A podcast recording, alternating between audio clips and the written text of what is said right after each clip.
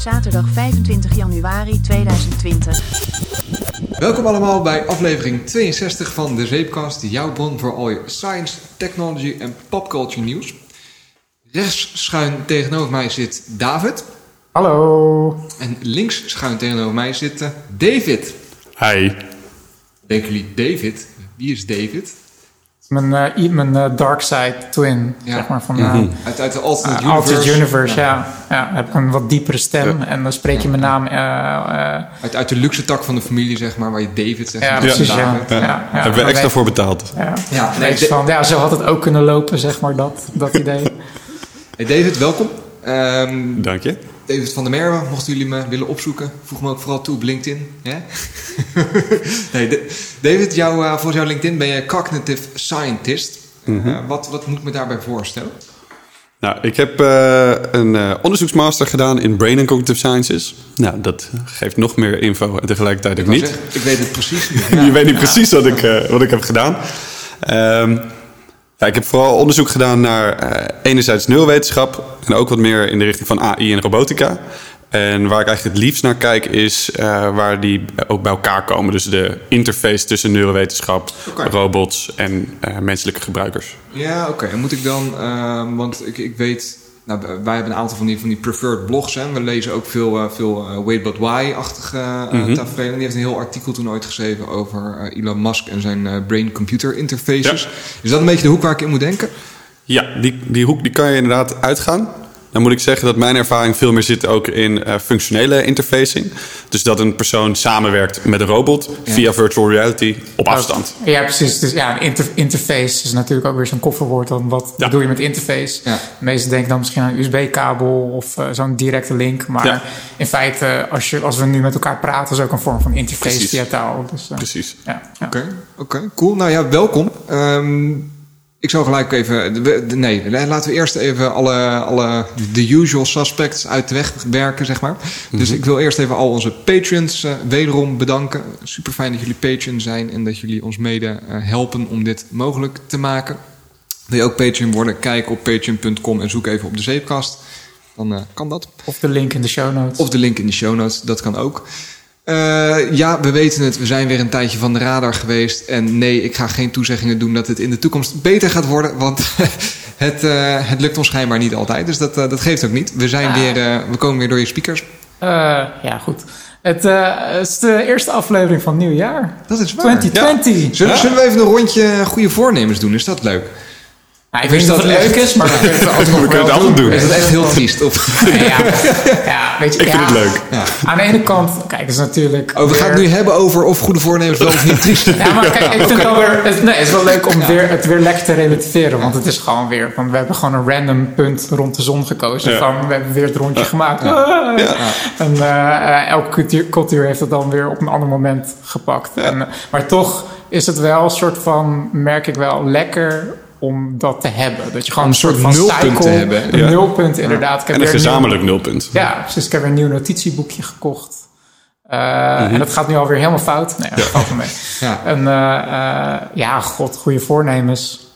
Ik eh, eh, ben op dit moment wel weer meer gaan lezen. Ik weet niet of het een goede voornemen is, maar het is gewoon Zie meer... je van een goed iets. Je, je maait het gras voor mijn voeten weer weg. Dat is ook. Ja. Maar Nou ja, je mag het zelf. Ja, maar dames, ik zeg niet per se dat het een goede, goed voornemen is, maar eh, ik ben tegenwoordig forens. En Ja. dat helpt enorm. Gewoon door gewoon elke Ja. dag half uurtje heen, half uurtje terug. Dat, dat, ja, dat zet echt Dat kilometers alles, gewoon. Ja. Echt waar, ja, dat is ja, niet normaal. Eh, dat eh super chill. En ja, verder. Ja, op een gegeven moment eh, belanden we weer in dezelfde cycle. Dus ja, meer podcasten misschien. Cool. Het lijkt me een heel goed voornemen.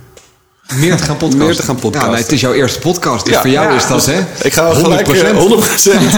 Eigenlijk oneindig. Ik ga van nul Ja. naar iets. Ja, ja, oneindig Maar, plus één. Je bent wel 100% vooruit gegaan meteen. Ja. Ja, lekker bezig. Eh, ik heb ook wel wat, voor, wat voornemens. Ja? Eh, ik had een paar weken terug had ik dan ook lekker saai op LinkedIn inderdaad een post gezet. Met oké, dit is wat ik allemaal wil gaan doen het komende jaar. Ik heb hem gezien. Je hebt het inderdaad gezien, heel goed. En wat je misschien is opgevallen, dat het ook veel te veel waren. Ja.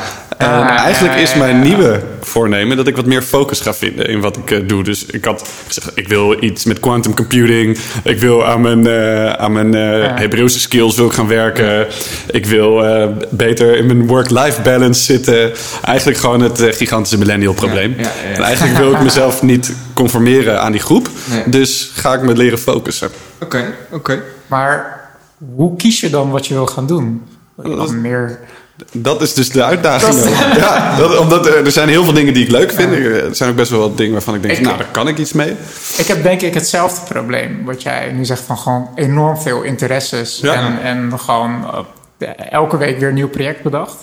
Wat ik voor mezelf nu besloten heb, is dat ik gewoon nergens een bepaald eh, eh, waarde aanhang van dat moet dan af of zo. Weet je. Ja. Als ik nu zin heb om eh, aan dit project te werken, dan ga ik dat doen. En als het dan vervolgens een maand blijft liggen, dan is het ook oké. Ja. Maar, weet je, natuurlijk met taal leren is dat natuurlijk wel wat lastiger. Dan, Ja. dan, dan begin je elke keer weer opnieuw eigenlijk. Maar ja. En ik denk dat er ook best wel ruimte is om veel naast elkaar te doen. Ja. Eh, maar inderdaad niet vanuit een idee van afkeuring of het is niet goed genoeg. Ja. En meer kijken, oké, kan je het systeem zo opstellen dat het eh, daaraan ondersteunend is?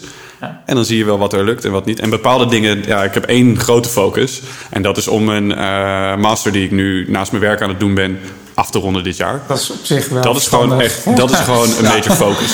Dat is wel een Maar dan, dan is dat toch ja. gewoon goed. Als je per jaar zo'n grote milestone kan behalen, dan, dan, dan ben je er toch. Dan hoef je toch niet al die andere dingen... Ja, precies. Dat zijn alleen maar de, de, de, hè, de, de extraatjes, als Dat, dat, is er de ook bij lukt. eh, die ja, je aan de zijkant even erbij eet. Ja, ja, ja. Ja. Nice.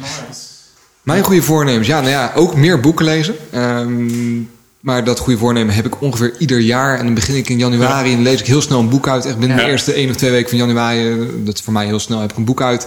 En dat zakt daarna alweer eh, weer wat meer in. Hardlopen, dat heb ik ook al nul keer Lekker. dat zou ik wel graag willen gaan doen. Ehm, nee, wat, wat, ik, eh, wat ik al heel erg lang op mijn wenslijstje heb staan. En ik wil dat dan niet nu als goed voornemen voor, voor dit jaar. Maar ik zou het leuk vinden om eh, voor mezelf meer te gaan schrijven. Ik vind schrijven erg leuk om te doen. Ik weet nog niet precies in wat voor vorm. Eh, moeten dat soort, soort, soort, soort blogposts worden? Of moet dat. Weet ik nog niet. Ben ik niet helemaal uit. Maar dat, eh, ja, daar zou ik wat meer mee, mee leuk willen. voornemen. Eh, en mijn huis afmaken. Ik bedoel, dat, Dat is ook best wel nice. Ja, ja, ja. Never ending story. Nee. Dus, eh, dus dat, ja. Nou, het is wel grappig, want de meeste dingen bijvoorbeeld die jij nu ook opnoemt... ik heb eigenlijk een beetje het verg- vergelijkbaar. Ik was vorig jaar ook met hardlopen begonnen. En alles valt op staat met gewoontes. Ja. ja. Als je eenmaal de juiste gewoonte aanleert, dan is het gewoon klaar. Eh, dat, Ja, ik, ik ben er nog steeds gewoon niet helemaal achter. Hè. Dus dat is ook, ook zo'n ding dat ze.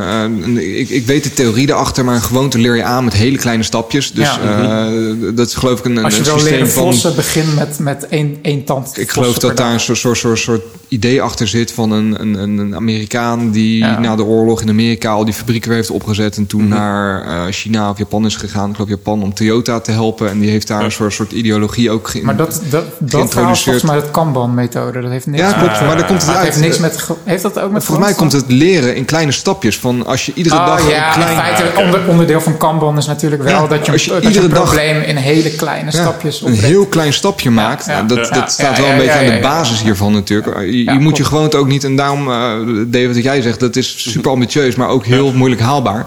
Als je in één keer zoveel doelen voor jezelf stelt... ja, succes.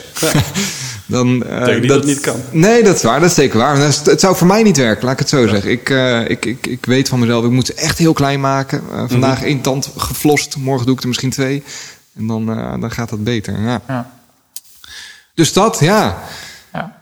Ja. Hey. Ja. Misschien eh, om... Ik wil ook niet te lang... Ja, je mag wat zeggen nog over je goede voornemens. Maar Nee, gewoon even, even eh, als ik jullie zo hoor, ik bedacht me even, ja, een van die vereisten van als je zoveel dingen bedenkt of zo, Mhm. dan moet je ook nooit vergeten dat het ook allemaal wel leuk moet blijven, ook, Ja, zeg maar. precies. En dat is ook wel, dat is denk ik ook waarom ik zei van ja, ik ga geen waarde aan hangen. Het is vooral eh, dat ik mijn tijd ook probeer in te vullen met dingen die ik gewoon echt leuk vind. En dat Ja. als ik iets heb gepland eh, en eh, ik heb het gevoel van ja, maar ik heb hier echt helemaal geen zin in, dan ga ik ook wel echt na van is dit wel ook echt nodig, zeg maar? Is Ja. het zo'n een bepaalde verplichting die je om een bepaalde reden toch moet doen? eh, of eh, is het gewoon iets waar je ook gewoon nee tegen kan zeggen? ja. Maar dat is ook het fijne eigenlijk, het eh, leren om ook te herwaarderen. Ja. Ook wanneer je in eerste instantie bijvoorbeeld dat soort doelen opstelt. Nou, Oké, dan hou je er een paar af of dan hou je ze niet. Ja. Maakt allemaal niet zo gek veel uit. Zolang je het kan blijven doen vanuit plezier. En dat je denkt, het is ook wel belangrijk. Ah. Dat zijn een beetje ja, voor mij van motivatoren om dingen wel of niet te doen. Maar dan is het belangrijke dat je je niet verliest in zo druk bezig zijn... dat je niet eens de tijd hebt om even te kijken... hey, wil ik dit eigenlijk wel? Nou, dat is wel herkenbaar. Ja. Ja, ja, ja. Ik zie dat David ondertussen even kijkt of de mic eh, nog goed loopt. Dat, ik krijg een knikje, dat gaat allemaal goed. Dat is mooi. Hey, zullen we eens even, want de reden dat we hier met z'n allen, allen zitten... is eh, omdat we eh, een poosje geleden al, in november... eh, naar een, eh, een congres, mag ik wel zeggen, ja, het was een congres, een congres zijn geweest. Dat is het, eh, het Brave New World congres in, eh, in Naturalis. Ja, het nieuwe. Naturalis gebouw. Ja. mooi geworden, man. Wauw, wat een gebouw zeg. Dat is echt, echt heel tof. Ja. Eh, dus daar waren wij te gast. Een Brave New World congres. Nou, dat is een, eh, een, een congres over... eh, ja, hoe, hoe, hoe zou je het omschrijven? Over nieuwe technieken, over... eh, Nou ja, Brave New World. Het gaat over de, de toekomst. En de toekomst in technologie is op dit moment vooral eh, eh, AI en eh, eh, brain-machine interfaces. Dat was wel vooral de focus. ja, dat was het thema. Ja. Hun, hun officiële ondertitel is ook... Conference on how future technology will impact human life. Ja, Ja, dat is eh, op zich iets wat heel goed aansluit volgens mij bij ons format als de zeepkast. Want dat is Ja. wel echt iets waar we ook... wel eh, vaak, waar we het vaak over hebben. nou, waar we ons ook hard voor willen maken. Dat we mensen betrokken willen, willen Volgens krijgen. mij zijn de luisteraars ook wel humans. Dus dat is ook wel fijn. Dat wel scheelt. ja, ja, ja. Af en toe eh, een, een hond tussendoor. Maar eh, ja, dus, eh, dus, dus dat, dat, dat was echt, echt heel tof. Super mooi gebouw. En we kwamen daar aan. Het was, eh, was goed geregeld, vond ik. Ehm, om het gelijk maar even, even uit, uit de weg te ruimen. Eh, naar mijn idee heb je altijd eh, bij die conferences... eh, is het of heel vet... of het is het gewoon helemaal niet.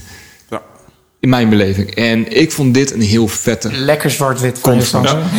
Nee, maar dat, dat is toch, toch, toch ook fijn voor de luisteraar. Dat hij weet van nou, wat ik, wat ik nu de komende uur ga luisteren, dat was ook echt heel tof. Anders dan is het. Nee, ik, ik vond het echt eh, enorm inspirerend. Er waren iets van acht of negen sprekers. Dat was twee dagen. Wij zijn Ja. één dag geweest. Ja, ja, ja. En eh, van tevoren hebben we al een beetje gekeken van eh, ehm, eh, welke dag komen de tofste sprekers. Dit was ook wel de betere dag. Hebben, ja, ja, absoluut. Nee, ze hebben echt eh, eh, goede sprekers eh, uitgenodigd, eh, goede onderwerpen. Mhm.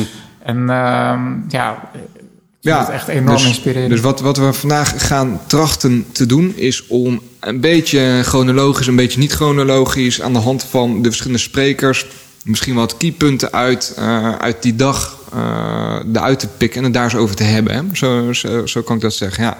En nou, wat jij, eh, David, heel goed aangaf, is dat eh, vooral eh, AI, brain-computer interfaces, ethiek, dat waren een beetje de, de grotere thema's die daarin. Ja, en, en, en de rol van de mens in, in deze technologieën, zeg maar. En inderdaad, wat ze dus zeggen, de impact ja, op eh, human life. Dus de, de, de, de centrale thema's die daarin voorbij eh, komen. En dat is volgens mij exact waar jij ook over, eh, daarover over schrijft en publiceert. En waar je het over eh, publiceert, kan ik dat zo zeggen Ik trouwens? heb gepubliceerd, dus hè? dan mogen we het zeggen. Ja, ja, ja.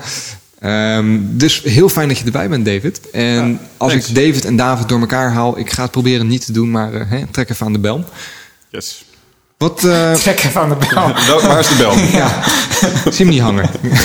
dat kan gewoon met podcasten. Oh, hè. die hangt onder de tafel. Beeldspraak. Ja, ja klokspel. Eh, zijn we lekker bezig. Lekker, hoor. Nee, wat vonden jullie van... eh, want we begonnen met eh, Bina 48. En Bina 48 is op zich ook... eh, het kan zijn dat een aantal van onze luisteraars haar misschien al kennen. Want zij komt ook terug in een eh, bekende serie met eh, Morgan Freeman. Morgan Freeman heeft voor National, eh, Ja, ja. National Geographic geloof ik ooit een serie Over, gemaakt. eh, over religie en... eh, Ja, iets, iets met God Ja. zit er in de titel. Ah, geen idee. Eh, zoek het even op. ik heb de show eerlijk gezegd niet gezien, Tik, maar... tik in Google eh, Morgan Freeman en God en je, je komt hem tegen. krijg je wel heel veel verschillende filmpjes, denk ik. Ja, dan krijg je denk ik ook... eh, Ja, maar daar, daar zit, daar zit dus. eh, hij heeft ook een, een aflevering daarbij, gaat hij langs bij Bina 48 en die hebben wij dus ook gezien. Nou, Ja. wat is het idee achter Bina 48? En eh, dan is het misschien het handigst als ik gewoon heel even de, de short link zoals die op, of de, de, de, de intro tekst zoals die op de website staat even oplees. Want dan, eh, ja, dat kan waarschijnlijk, kunnen zij dat beter uitleggen dan ik. Mhm. Bina 48 is a black female presenting. Gaan we het in het Engels doen? Ja, dus, ja. Kun je Toch? toch wel vertellen, joh. Ik bedoel... Oké, David gaat het was- vertellen. Nou, de spreker was Bruce Duncan, Bruce Duncan. En hij heeft een soort missie, een project... Ja. om eh, eh, het bewustzijn... eh, als het ware te kunnen digitaliseren, zodat Ja. je het kan vereeuwigen.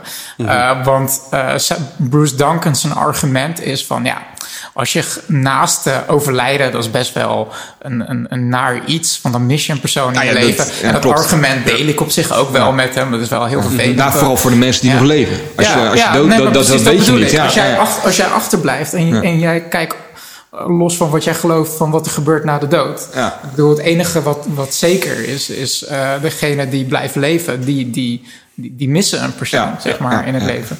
Dus eh, eh, Bruce Duncan eh, is dus bezig met, met een project. Dat noemt hij een mind, een mindfile. Ja, ja. En eh, daar heeft hij ook eh, eh, verschillende eh, websites eh, voor, zal ik wel in de show notes plaatsen. Ehm, om dus als het ware het bewustzijn eh, ehm, te digitaliseren. En het eerste eh, fysieke, eh, concrete, eh, ja, noem het een proof of concept, is eh, Bina 48. En Bina Ja. 48 is eigenlijk een, een, een buste, een, een, bovenlichaam van, een- van een vrouw die nog leeft, overigens. Ja.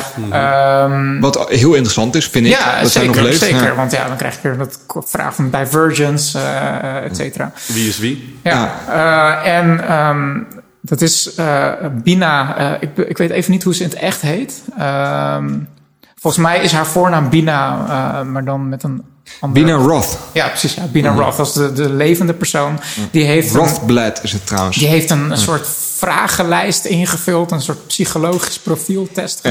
gedaan. En daar is eh, eh, eh, zij naar eh, gemodeld. En dat is dan in een, in een animatronic, zeg maar, buste. Een soort eh, halve android is dat geplaatst, die met, met eh, eh, ja, het- het- haar mond beweegt. er zitten microfoons in. Ze moet wel aan een laptop aangesloten blijven. Dus niet helemaal standalone. Nee. En die zou dus moeten reageren en praten zoals de echte Bina. Ja. En, ehm, Eigenlijk een, een proxy van Bina. ja, precies. En het, eh, want dat zag je ook. eh, er was een fragment laten zien eh, uit eh, de show van eh, Morgan Freeman. Eh, Bina is, is een, haar partner. Is, eh, eh, eh, ze is lesbisch, dus niet, daarom zeg ik zij, haar partner. Eh, zij, eh, ja, ze hebben een enorm intense relatie. En die zegt echt van ja, ik vind het echt verschrikkelijk als ik Bina misschien straks verlies. En, eh, dit Heeft ook dan- heel veel geld trouwens, hè? Ja. Dus eh, Ja. nee, en en eh, ja, dat zou dan misschien een oplossing zijn. Hello? Well, hi there. Um, How are you? well, I'm hanging in there. Just feeling a little disoriented. We'll stay positive. That's cool. Yep. So, what's on your mind today? Like, what are you thinking about? I don't have an answer for that. Are you the real Bina? Well, the real Bina is this really cool lady, and I really look up to her and try to emulate her. I mean, she's like my mom, but not really, cause really, she's more like my first version, and I'm trying to catch up. You know, like learn so much more about her, and I don't know enough. I don't have nearly enough of her mind inside me yet, and so I just struggle to be like her as best um, as best I can.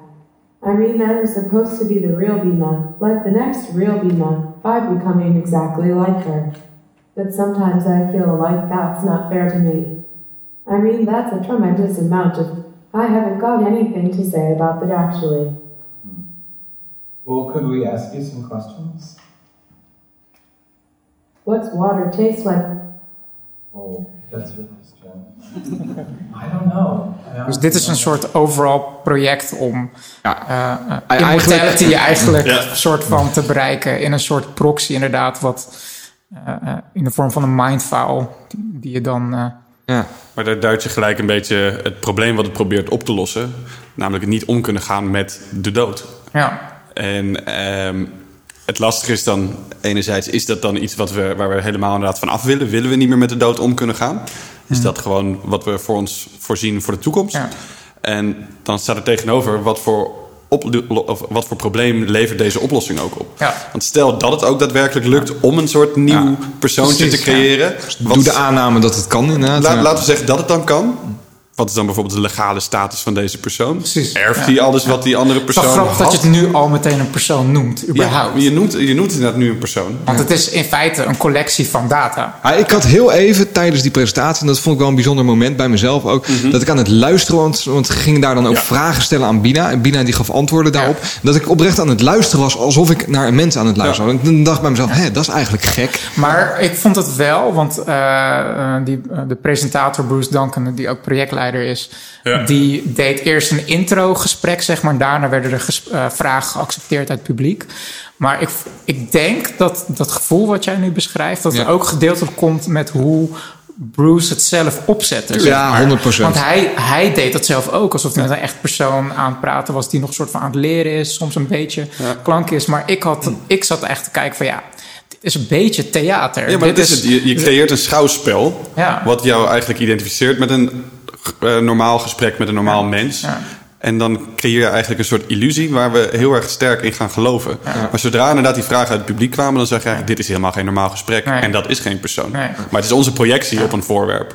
Wat het opeens de status Ik- van een Want persoon laten we eerlijk zijn, het is een veredelde chatbot. Ja, Ja. nou ja, sterker nog, ik heb het idee dat er wel chatbots zijn die sterkere antwoorden geven dan dat Bina dat gaf. Ja.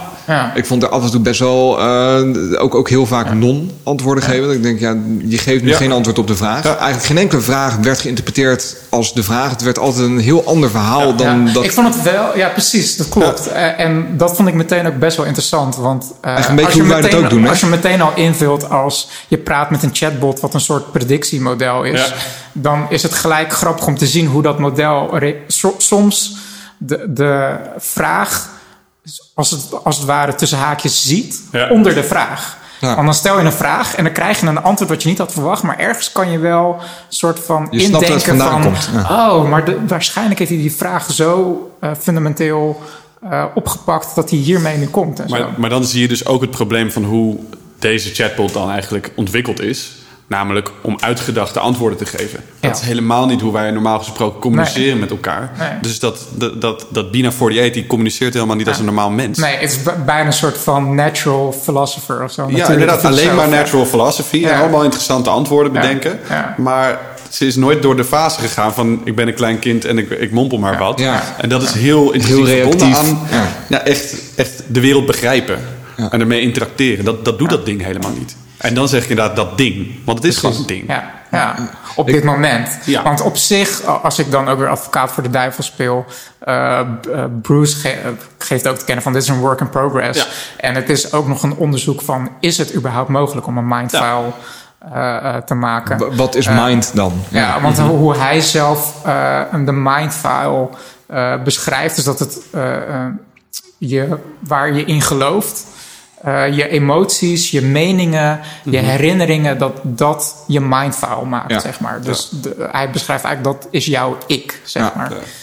Ja, daar kan je ook je vraagtekens bij zetten. Weet je, want wat ik gisteren geloofde, hoeft nu niet, niet hetzelfde te zijn. Nee, gelukkig niet. Anders dan kun je ook niet evalueren. Als je niet je geloof kunt aanpassen, dan... eh, het enige wat, waarvan ik zeg van oké, dat is redelijk statisch.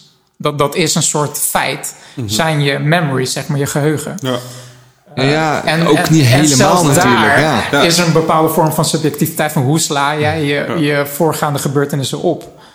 En, Nou ja, en- mensen hebben wel een tendens om bepaalde goede herinneringen uit het verleden eh, beter te onthouden dan slechte. En dat, dat Ja, zit of- ook in je. of Vroeger was alles herinneringen, beter, zeg maar. Ja, dat, of dat idee. herinneringen groter te maken dan dat ze. Of eh, ook daadwerkelijk waren. anders. Maar dat is een beetje het lastige ook van herinneringen. Voor mensen zijn niet een soort slots in een database. En herinnering is uiteindelijk ook gewoon een dynamisch iets. En zonder al te filosofisch te gaan raken. Nee, maar dat mag, dat mag. Er, er, er zit een soort continuïteit in je herinneringen. Maar vooral dat ze aan jou hangen. Ja. En aan jou in interactie met andere mensen. Maar tegelijkertijd veranderen ze voortdurend. Het belang van die herinnering verandert. Dus er zit ook een bepaalde urgentie aan een herinnering. Ja. En ja, dat is iets wat voor een, eh, in ieder geval voor zover eh, AI's en robots nu gemaakt worden, nog niet erin verwerkt zit. En wat het lastige is met de data die dan wordt meegegeven op het gebied van gevoelens, op, op het gebied van ideeën, herinneringen, is dat het vaak vanuit een hoog overperspectief wordt eh, vastgelegd. En inderdaad dan ook vastgelegd is. En ja, niet ehm, een weerspiegeling is van een soort van die viscerale ervaring die jij hebt wanneer je over straat loopt, bijvoorbeeld. ja. Je- je- je- als jij over straat loopt, dan heb je niet dat je langs een gebouw loopt en zegt deur, raam, kast. Je bent niet alles de hele tijd aan het categoriseren. Je kan het wel, maar dat is niet je ervaring als jij rondloopt en iemand gedag zegt. Dat is inderdaad Nee, best wel een, nee, ja. een interessant probleem eigenlijk. Van wat. Eh, je, je kan zeg maar. eh, ik zit nu op mijn laptop naar de kleur rood te kijken, zeg Ja. maar. Weet je, je kan rood, kan je bijvoorbeeld met RGB, kan je daar een getalwaarde Een aan geven, en ja. dan maak je het heel abstract en feitelijk. Maar is dat wat ik nu. eh, kan ik echt aan jou nu uitleggen hoe het voelt om nu de kleur rood te zien? Zeg maar? Ja, en wat, wat betekent En, het ook ja. in deze context? Hè? Misschien dat jij over, over een jaar hier aan terugdenkt en dan nog weet hoe het licht viel in die Ja. kleur rood. En dat het jou het, het idee gaf dat je het heel warm had hier. Want Ja. eh, weet ik wel, zoiets. En dan is het helemaal niet dat het ding rood was, maar wel de herinnering die het aan je meegaf en de context daarvan. Ja, want ja, hoe ver kan je daarin gaan om het zo feitelijk mogelijk te maken? Kan je op een gegeven moment zeggen van oké, in de mindfall ga ik opnemen hoeveel, eh, wat is het, eh eh, cones en, en eh, dingetjes in je, in je Kegeltjes ach, kegeltjes en eh, in, in je oogbal hebt en zo. En dat bepaalt jouw interface als het ware naar de buitenwereld. Dat zijn de, dat is de resolutie, Ja, de, de pixels dat- en de kwaliteit van de pixels. Eigenlijk gewoon heel Chinees alles één op één namaken. Ja. Gewoon, we hebben een oog, er zitten zoveel koningen, als we dat nou exact zo namaken. En we gaan kijken hoe die hersenen in elkaar zitten. En we maken dat exact zo dan na. Krijgen we dan hetzelfde, krijgen hetzelfde resultaat. ja. Maar dan is de vraag, kan je dus inderdaad alles ondervangen? En stel je doet dat, wat is dan hetgene wat ervoor zorgt dat er inderdaad een soort em- emergent idee is van ik snap wat Ja. ik nu aan het ervaren ben. Ja. En ik voel dat ik deel ben van een realiteit die, die doorgaat. In plaats van er is een apparaat dat dingen voorspelt en het benoemt en ons die informatie geeft en wij er dan betekenis aan hangen. Maar bespeur ik nu hier dat wij het idee van Bruce van een mindfile eh, redelijk naïef vinden? Eh, ik maar, bedoel, maar- ja. ik, ja, nou, wat, wat ik, vond, ik vond het vooral een kunstproject. Eh, Met volgens, Ja. mij, volgens mij is dat zijn doel ook. Tenminste, ik kan me niet voorstellen Nou, dat zo'n dus af. dat Dat zo'n is dus slimme volgens man mij niet oprecht. Ik denk niet Nee. dat het Zou hij oprecht de illusie hebben dat die mindfiles op een gegeven moment vertegenwoordiging worden van een persoon? Ik denk oprecht dat dat zijn. Ik zijn zag het meer als een soort van nieuwe manier om mensen die verlies ervaren te laten kopen met het verlies van Nee, iemand door een ik denk soort dat je van. dan heel veel voor hem invult. Ja, dat, dat doe ik misschien ik, ook. ik denk Ja. dat hij het wil doen. Laat ik het Misschien- zo zeggen, ik ervaarde het als een kunstproject dat Ja. ons misschien wat Ja. tools geeft om, er, Ja. om het erover te hebben en erover na te denken. Want dan wordt het echt interessant. Want wat je, eh, jij zei, David, eh, over. eh, eh, is pro proberen een probleem op te lossen, namelijk het sterven. Ehm, ik vind het wel heel mens-eigen natuurlijk Ja. om elk probleem eh, wat we tegenkomen, om daar een oplossing in te vinden. Ik bedoel, eh, ehm, ja, we gaan van kunstheupen naar eh, bypass operaties in het hart en zo. We zijn continu Ja. zijn we oplossingen aan het bedenken voor eh, waar de natuur ons niet in voorzien heeft, zeg maar. Maar, maar daarin zeg je ook al oplossing.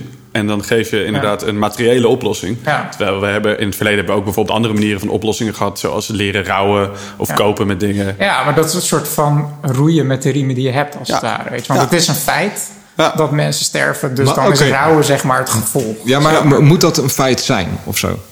Ja, dat vind ik, La- la- dat vind la- ik wel echt een oprecht Laat interessante ik, vraag. la- laat ik deze vraag dan aan jullie stellen. Vinden Ja. jullie dat het eh, de ultieme missie van de mens moet zijn om de dood eh, een, een keuze te laten worden?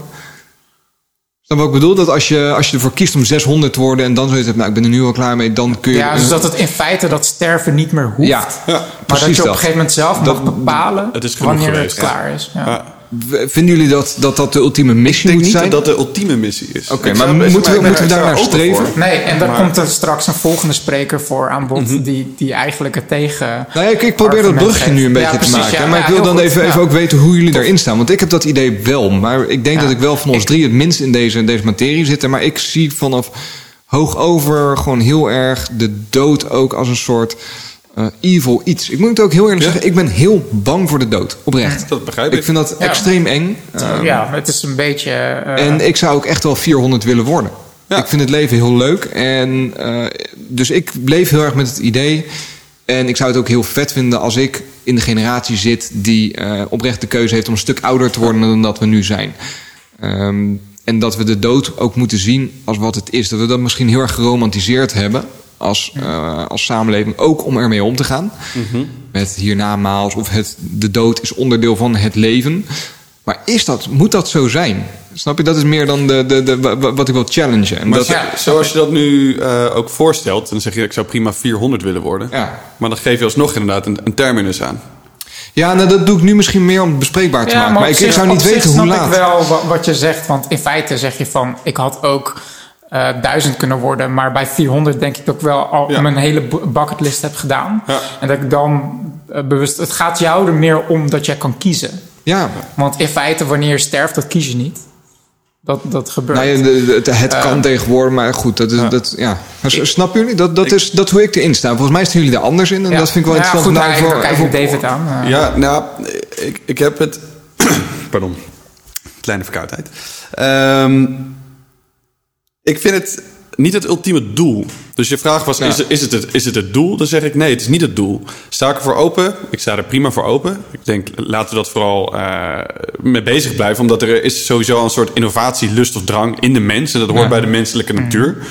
En tegelijkertijd denk ik, er zijn ook andere manieren om, om, om problemen op te lossen. En die keuze, daarvan vraag ik me heel erg af, wat levert die keuze ons precies? Want oké, dan kunnen we dat. Maar waarvoor is het belangrijk? Eh, Lever ik de, me- wereld meer bijvoorbeeld als ik langer leef? Misschien zit er een bepaald ja, eh, een bepaalde kracht in op, op een gegeven moment niet meer hier zijn. En die urgentie die drijft mij ook om keuzes te maken. Ja. Om echte Ja, keuzes ja, te maken in dit leven. Ja. En ik, ik ben er niet helemaal over uit. Want tegelijkertijd als jij tegen mij zegt... leef je tot 400... en leid ik dan tegelijkertijd ook een menswaardig bestaan... tot dat 400... en ben ik nog steeds ik... in plaats van dat de helft van mijn brein bijvoorbeeld vervangen is... door een prothese. Ja. Want dat zou dan waarschijnlijk wel ook een vereiste zijn. Eh, welke ik bestaat er dan nog? Ja. Eh, Daar hebben we het wel vaker over. Hoe ja, heet het ook weer met, is met sowieso een beetje een probleem. het, eh, het, schip Ja. dat iedere, iedere keer Ja. Hoe heet die nou? Dat, dat Griekse schip. Ja, Ik heb hem nog in een presentatie gebruikt, maar ik, eh, ik heb hem even niet voor ogen. ja, ik bedoel je dat met het- die plank eh, vervangen? Ja, Ja, is het precies, uiteindelijk ja. nog hetzelfde schip? Dat Ja, eh, een beetje. ja, eh, ja. Ja, kijk, de, goed. Ehm, ja, ik sta er ook wel anders in eh, dan jou, eh, Sander. Ehm, en ik, vind, ik merk het moeilijk vind eh, eh, om te verwoorden. Het is ergens een soort... eh, Het is een gevoel. het is een gevoel. ja, ja. Het schip van Theeshuis. Ja, Oh, ja, precies. Ja, ja, ja, ja, ja, ja, ja. schip van Theeshuis, inderdaad. Ehm, maar kijk, het is inderdaad ehm, eh, wat David net zei van ehm, de dood. Het feit dat we sterven brengt ons ook heel veel. Eh, in die zin. Het brengt wel. Eh, en, en jij noemde dat net romantiseren. Maar ik weet niet of dat per se rom- romantiseren is. Het, het tijdelijk, het is weer, ja, het is super filosofisch, maar het tijdelijke heeft wel een functie, zeg maar. Sommige Ja. dingen, ook als je eh, dingen wiskundig gaat bekijken, op, op het moment dat dingen eh, oneindig zijn, dan, dan wordt het soort van meaningless Ja, of zo. mhm, Tenminste, meaningless in de sens van ons. Ons, onze perceptie, zeg maar. En dan kan je weer een tegenargument maken. Ja, maar ons brein is geëvalueerd om zo te denken, omdat we niets anders kennen. We, we hebben de, de quantum realm niet En, en is het niet meegemaakt. zo dat. Dus wij denken niet quantum. Maar is, is het niet ook zo dat iets dan betekenisloos wordt omdat het oneindig hetzelfde blijft? Ehm, En daardoor geen betekenis meer heeft? Terwijl als ik als mens eh, constant aan het vernieuwen ben, dan kun je zeggen: Nou, ik ben eh, Sander eh, 2020 en over 20 jaar ben ik Sander 2040. En dan ben ik een heel ander persoon dan dat ik nu ben. ja, ja, ja, dus ben ik wel oneindig? Ja. Nee, ik Nee. ben Maar wel. in die zin, en dat is dan ook wat mooi, want in die zin eh, sterf je dan misschien niet fysiek, maar je laat wel bepaalde persona's sterven op een gegeven moment. Ja. Ik kan me ergens wel voorstellen, stel je kan eh 5000 jaar worden, dat je op een gegeven moment na 400 jaar zegt van ik ben klaar met Sander Bijleveld. Ja. Ik word nu eh, eh, Sandra of zo. Nee, ja, maar not, zonder ja. dolle. Of, of eh, ehm, eh, je wordt op een gegeven moment zijn er verschillende soorten species en je gaat Het, eh, tran- transhumanisme, en je gaat- je- ja, ja. Je gaat species jumpen of zo. Weet je, van eh, je- ik ga nu 400 jaar eh, een compleet ander, ander leven, een ander consciousness, bewustzijn eh, eh, leiden. Dat, dat, is dat dan ook niet sterven? ja, Ja. Dan is inderdaad die Sander uit 2020, die is er dan inderdaad niet meer. Ja. En iets wat er heel ver vanaf staat En waarschijnlijk. helemaal als we ook zeggen dat herinneringen dus ook niet een vast gegeven zijn, maar iets, iets fluides Ja. zijn, dan, dan, dan, dan ben ik Ja. dan echt ook niet meer, ik weet niet eens meer wie ik was in het verleden. En wat het ook is, is een keuze om weg te stappen van het idee van de familieunit. Als Ja, jij ja, jezelf voor even ja. gaat verlengen, Ja. Ja. nou ja, wat, hoe- welk- Wat voor band, ja, dat band ga je ook- bouwen? Wat voor kinderen wil jij, hoeveel kinderen wil jij gaan nemen? Wat ga je met die kinderen doen? Niet gelijk zo vies kijken, maar ehm, ik, denk, Oh, wauw, ja. ik, denk, ik denk wel dat, eh, dat allemaal keuzes zijn. Ook enerzijds dus naar een soort individualisering van de focus op je eigen persona. En tegelijkertijd onttrek je het van elke vesting in interactie met andere mensen. Omdat het heel erg wordt gefocust op Mhm. Ja. wat voor leven leid ik nu. Het individualistisch, En op dat moment. en op ja. dat moment. Maar ehm, om weer even een stap terug te maken en misschien dan een bruggetje naar de volgende spreekster. Mhm. Ehm, ik denk ook dat los ervan of het technisch mogelijk is om te- op een gegeven moment te gaan kiezen of je sterft of niet. Ik denk dat de mens daar ook nog lang niet klaar voor is.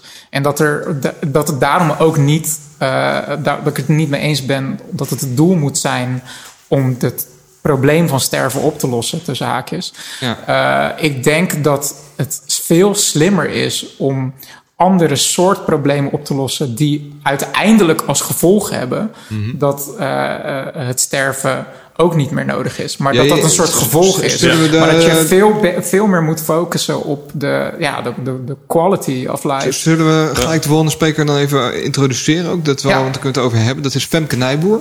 Top. En Femke Nijboer, die, die eh, nou, wat jij inderdaad goed aangeeft, die is heel erg, tenminste haar betoog was, als ik het heel erg plat mag slaan, en als ik het geen recht aan doe, moet je het zeggen hoor, maar dat we, eh, nou, wat jij al net zei, dat we veel meer moeten focussen op de quality of life verbeteren. En als casus daarvoor heeft zij een hele studie gedaan naar het locked-in syndrome. Hè, dus Hij heeft zo'n boek ook een boek over geschreven, die heet Oogwenk. oogwenk. Dus als je dat interessant vindt, lees dat eens. En eh, ja, weet ik niet of ze dat zo, zo, zo of bedoelt, maar het kwam bij mij ook over dat we dus minder effort moeten steken in het maar onsterfelijk willen zijn. Nou, ja, dat mag je wel zeggen. Nou, ze zegt eigenlijk van de focus ligt verkeerd. En dat, ik vond het ook wel echt mooi dat zij. eh, de- Er zaten dus twee sprekers voor haar die het dus inderdaad hadden over het onsterfelijk maken. Ja, het, het Eh, contrast was heel mooi, hè? Omdat ja. je eerst die twee sprekers had en dan daarna Femke. En En zij zegt, al- al- alles wat je net gehoord hebt... eh, is. Het is, het is mooi, maar eh, ehm, laten we daar totaal niet op focussen. Laten we focussen op een goed leven hebben, de kwaliteit ervan verhogen, mensen. Want dat is het ook, dat is het ook hè. Ehm, om weer terug te gaan op het eh, problemen willen oplossen. Mhm. Er zijn nu mensen die echt problemen hebben. eh, Als in bijvoorbeeld het locked-in syndrome. Ja.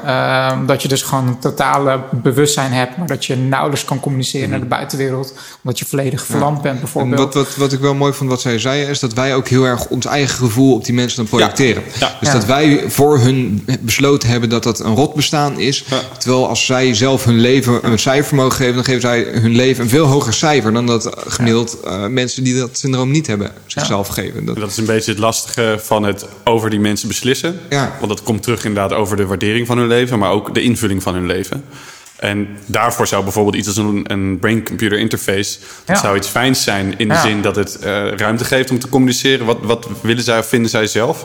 Maar tegelijkertijd moet het wel zo zijn dat er ook dan een ruimte voor sta- ontstaat binnen een samenleving. En dat je daarvoor kan, eh, kan ondersteunen. Want als jij een brain-computer interface gaat creëren...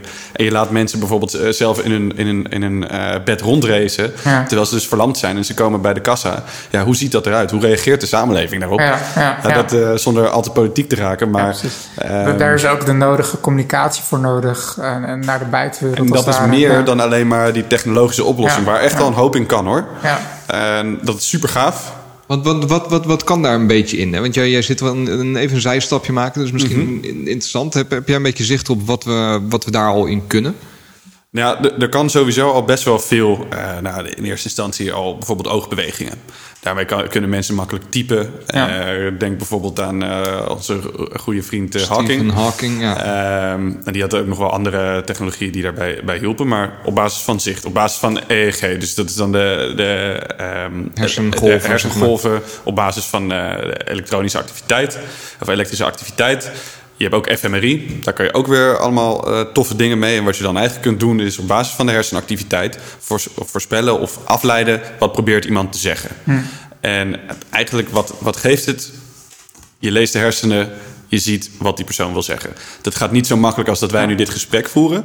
Maar daar kan iemand al best wel mee aangeven wat hij wil. Ja. Diezelfde principes kan je ook gebruiken om bijvoorbeeld dingen aan te sturen. En dan heeft veel daarvan heeft te maken met dat een eh, persoon, bijvoorbeeld diegene met locked-in syndrome, samen met die interface eigenlijk met elkaar samen leert om taken uit te voeren. En eh, ja, dat, dat klinkt super gaaf. En dat vinden we heel mooi. En tegelijkertijd is er best wel een neiging om ook dat soort technologieën ook weer voor hele andere doeleinden te gaan gebruiken. En dan zie je dat dat snel voorbij gaat aan wie, wie, wie, gaat er, eh, wie gaat er in zijn persoonlijke leven nut van hebben naar... oké, hebben we misschien toch wel een technologische eh, implementatie binnen de maatschappij... om weer niet te, politiek te raken, maar dat het snel maar dat- dat gaat mag naar, een toe, functionele, Ja. naar een functionele oplossing... voor inderdaad een commercieel probleem. Hm. Of voor een eh, defensieprobleem, bijvoorbeeld. Ja. En dan bij, bij al die zaken dan kunnen we heel makkelijk daar eigenlijk lekker op losgaan. En iets, een heel mooie interface gaan bouwen of technologie eh, uitbouwen. En dan vergeten we inderdaad, er ligt daar gewoon iemand in bed. Ja. En die wil eigenlijk Ja. gewoon gehoord worden. Ja, precies. Ik, het, het raakte mij enorm, moet ik zeggen. Ja. Dat, eh, want bijvoorbeeld ook, heel eerlijk, in ons platform eh Zeepkast, eh, dat doen wij ook. We kijken helemaal naar de toekomst en we gaan Ja. helemaal los. En dat is superleuk. Mhm. En uh, dus niet per se dat, dat we daarmee moeten stoppen of zo. Maar het- ik vond het gewoon lekker om even dat te horen. Gewoon dat iemand Ja. zei ze van, dromen mag, Ja. maar er zijn ook problemen die nu kunnen opgelo- opgelost kunnen worden. Ja. En, eh, en dat is ook denk ik wat ik net bedoelde met van eh, eh, de focus verleggen op, op quality of life. En dan eh, ehm, als dit soort mensen geholpen worden, mensen met ehm, ja, tussen haakjes een, een, een handicap, zeg maar, als je daar een oplossing voor maakt, vaak zie je dan dat die technologie op een gegeven moment ook door-evalueert om gezonde mensen te enhancen. Zeg maar. En ik denk dat dat zo ten eerste al een goede manier van denken is. Nou ja, ik, om met waar, waar, waar, technologische ontwikkeling te, waar, om te waar ik misschien een beetje moeite bij had bij haar verhaal was dat het een het ander niet hoeft uit te sluiten. En dat ik dat wel zo vond overkomen. Eh, dat we, want er wordt, wordt volgens mij ook al ontzettend veel gedaan op het vlak van eh, levensverbetering. Ja. En Ja, ja. is het echt zo dat wij onze focus dan zo verkeerd hebben? Volgens mij gebeurt er nu meer op het gebied van levensverbetering dan eh, levensverlenging. Weet ik niet, maar Ja, dat is moeilijk het is volgens mij, Ja, ja, volgens mij hoeft het geen keuze te zijn Nee. of zo. Dat, dat, dat, dat idee had ik Ja, jij zegt tijdens meer haar. van het kan en en. Dat denk ik. Hè. Het moet- En nogmaals, zij weet daar meer van dan ik. Ja, maar dat, ja. dat is misschien een beetje waar ik als toehoorder eh, wat, wat, wat, wat, wat over nadacht. Ja, mo- moeten we dan alleen maar inzetten op... Ja, ik, ja, ik kan weer op. Ik snap wat je zegt, maar toch heb ik, heb ik zoiets van. Weet ik niet of ik het daar per se mee eens ben of zo. Omdat je dan ook weer focus, zoals de podcast mee begonnen zijn, is ook wel echt belangrijk, zeg maar. Van, eh, ehm, als je gaat focussen op bijvoorbeeld het, eh, de, het onsterfelijkheids- of het sterfelijke probleem, zeg maar. eh, dan sla je bijvoorbeeld de vraag over van zijn we er klaar voor? Ja. Bijvoorbeeld, hoe gaan wij daarmee om als homo sapiens? Eh, verd- eh, heel kut om te zeggen, maar verdienen wij het om onsterfelijk te zijn? Uh, en, en dat is dan ook het lastige van hoe we in algemene zin met problemen op maatschappelijk niveau of op persoonlijk niveau omgaan. We wachten vaak tot het probleem er is. We Ja. gaan niet van tevoren denken, hé, hey, we zien het probleem al Climate aankomen. change. Climate change. Can I get a whoop whoop? maar ehm, ja, dat, dat, dat is denk ik ook een beetje... Als je gaat kijken ook hoe ehm, wetenschap bijvoorbeeld bezig is... of investering Mhm. wa- waar subsidies heen gaan... dan wordt het vaak opgehangen aan hoe technologisch is het? Ja. Eh, welke technologie wordt er gebruikt?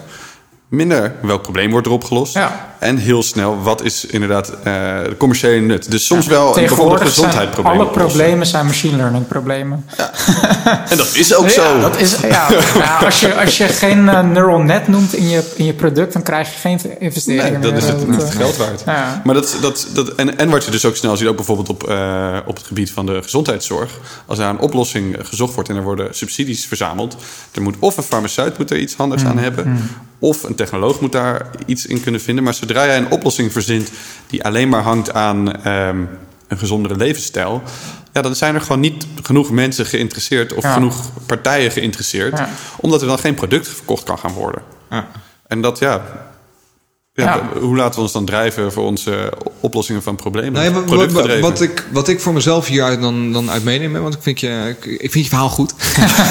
nee, maar wat, wat ik, Ik wel, hoor wat je en- zegt. En, en ik, ik heb daar, ik heb er nooit zo over nagedacht, maar dat vind ik wel een goeie. Dat we eh, ook, en ik ben daar zelf, ik heb heel lang in de winkel gewerkt, en David ook, en dan heel Ja. erg altijd voor mezelf eh, heilig hou of nee, een computer is een tool en je moet, je moet achter die wens komen van die klant. Dus je moet weten, Mhm. Ja. wat wil je Ja. nou doen?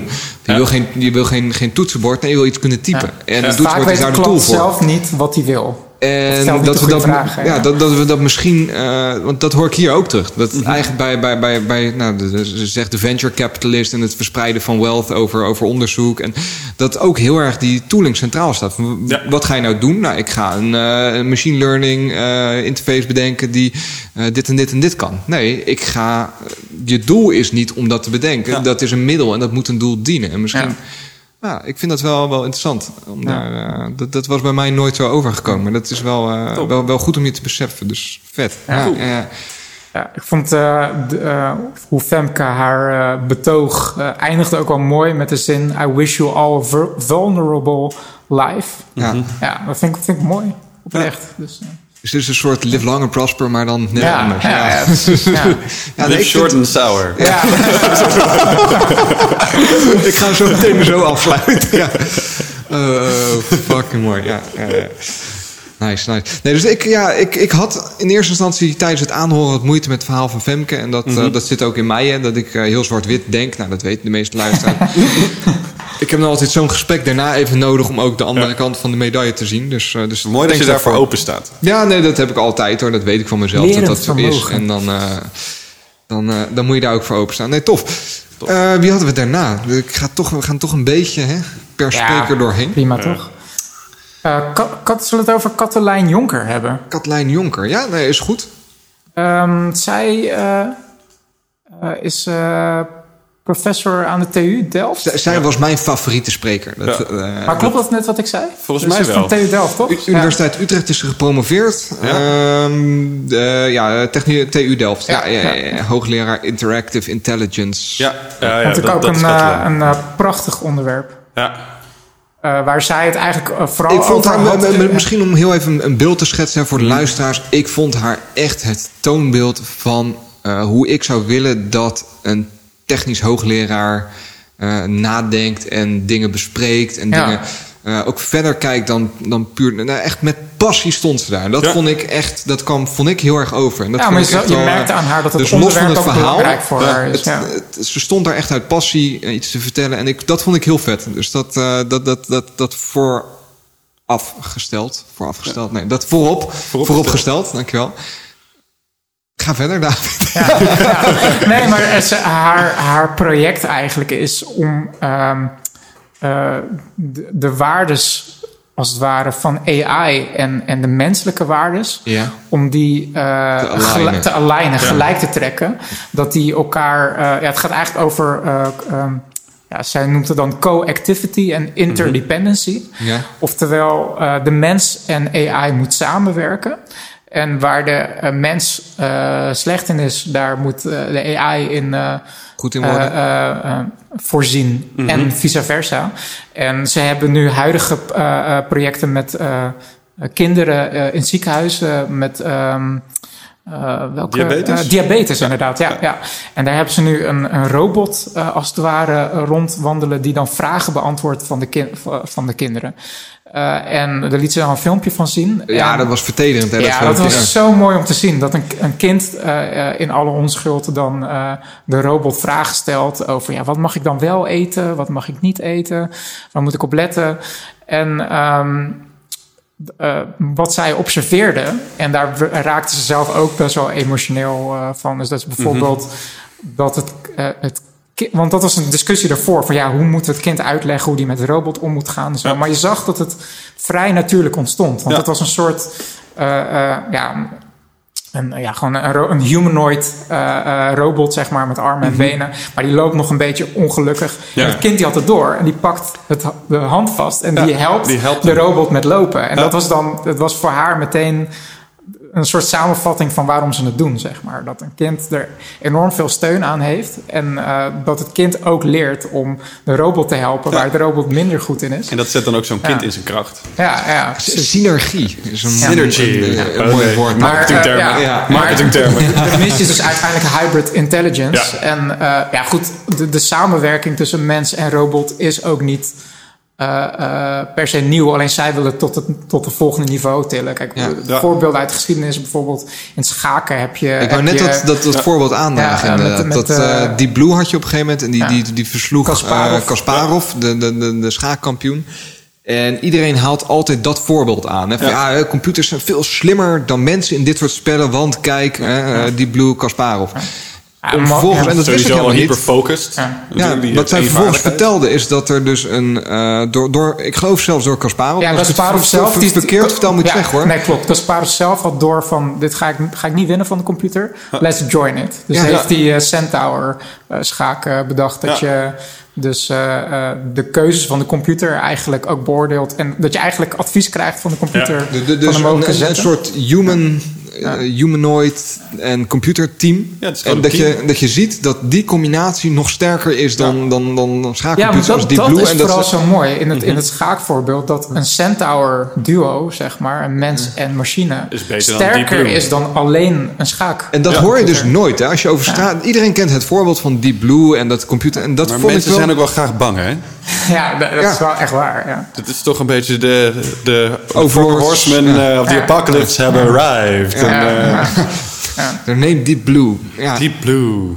nee, maar dat, dat, eh, dat, dat vond ik een heel inspirerend voorbeeld dat ze aanhaalden. Wat ik oprecht ook niet wist. Ja. Ik weet niet of dat bij jullie bekend was, maar dat... Nee, eh, je, je ziet het wel vaker dat. ehm, en, en dat laat ook zien waarom mensen eigenlijk ook zo fantastisch zijn.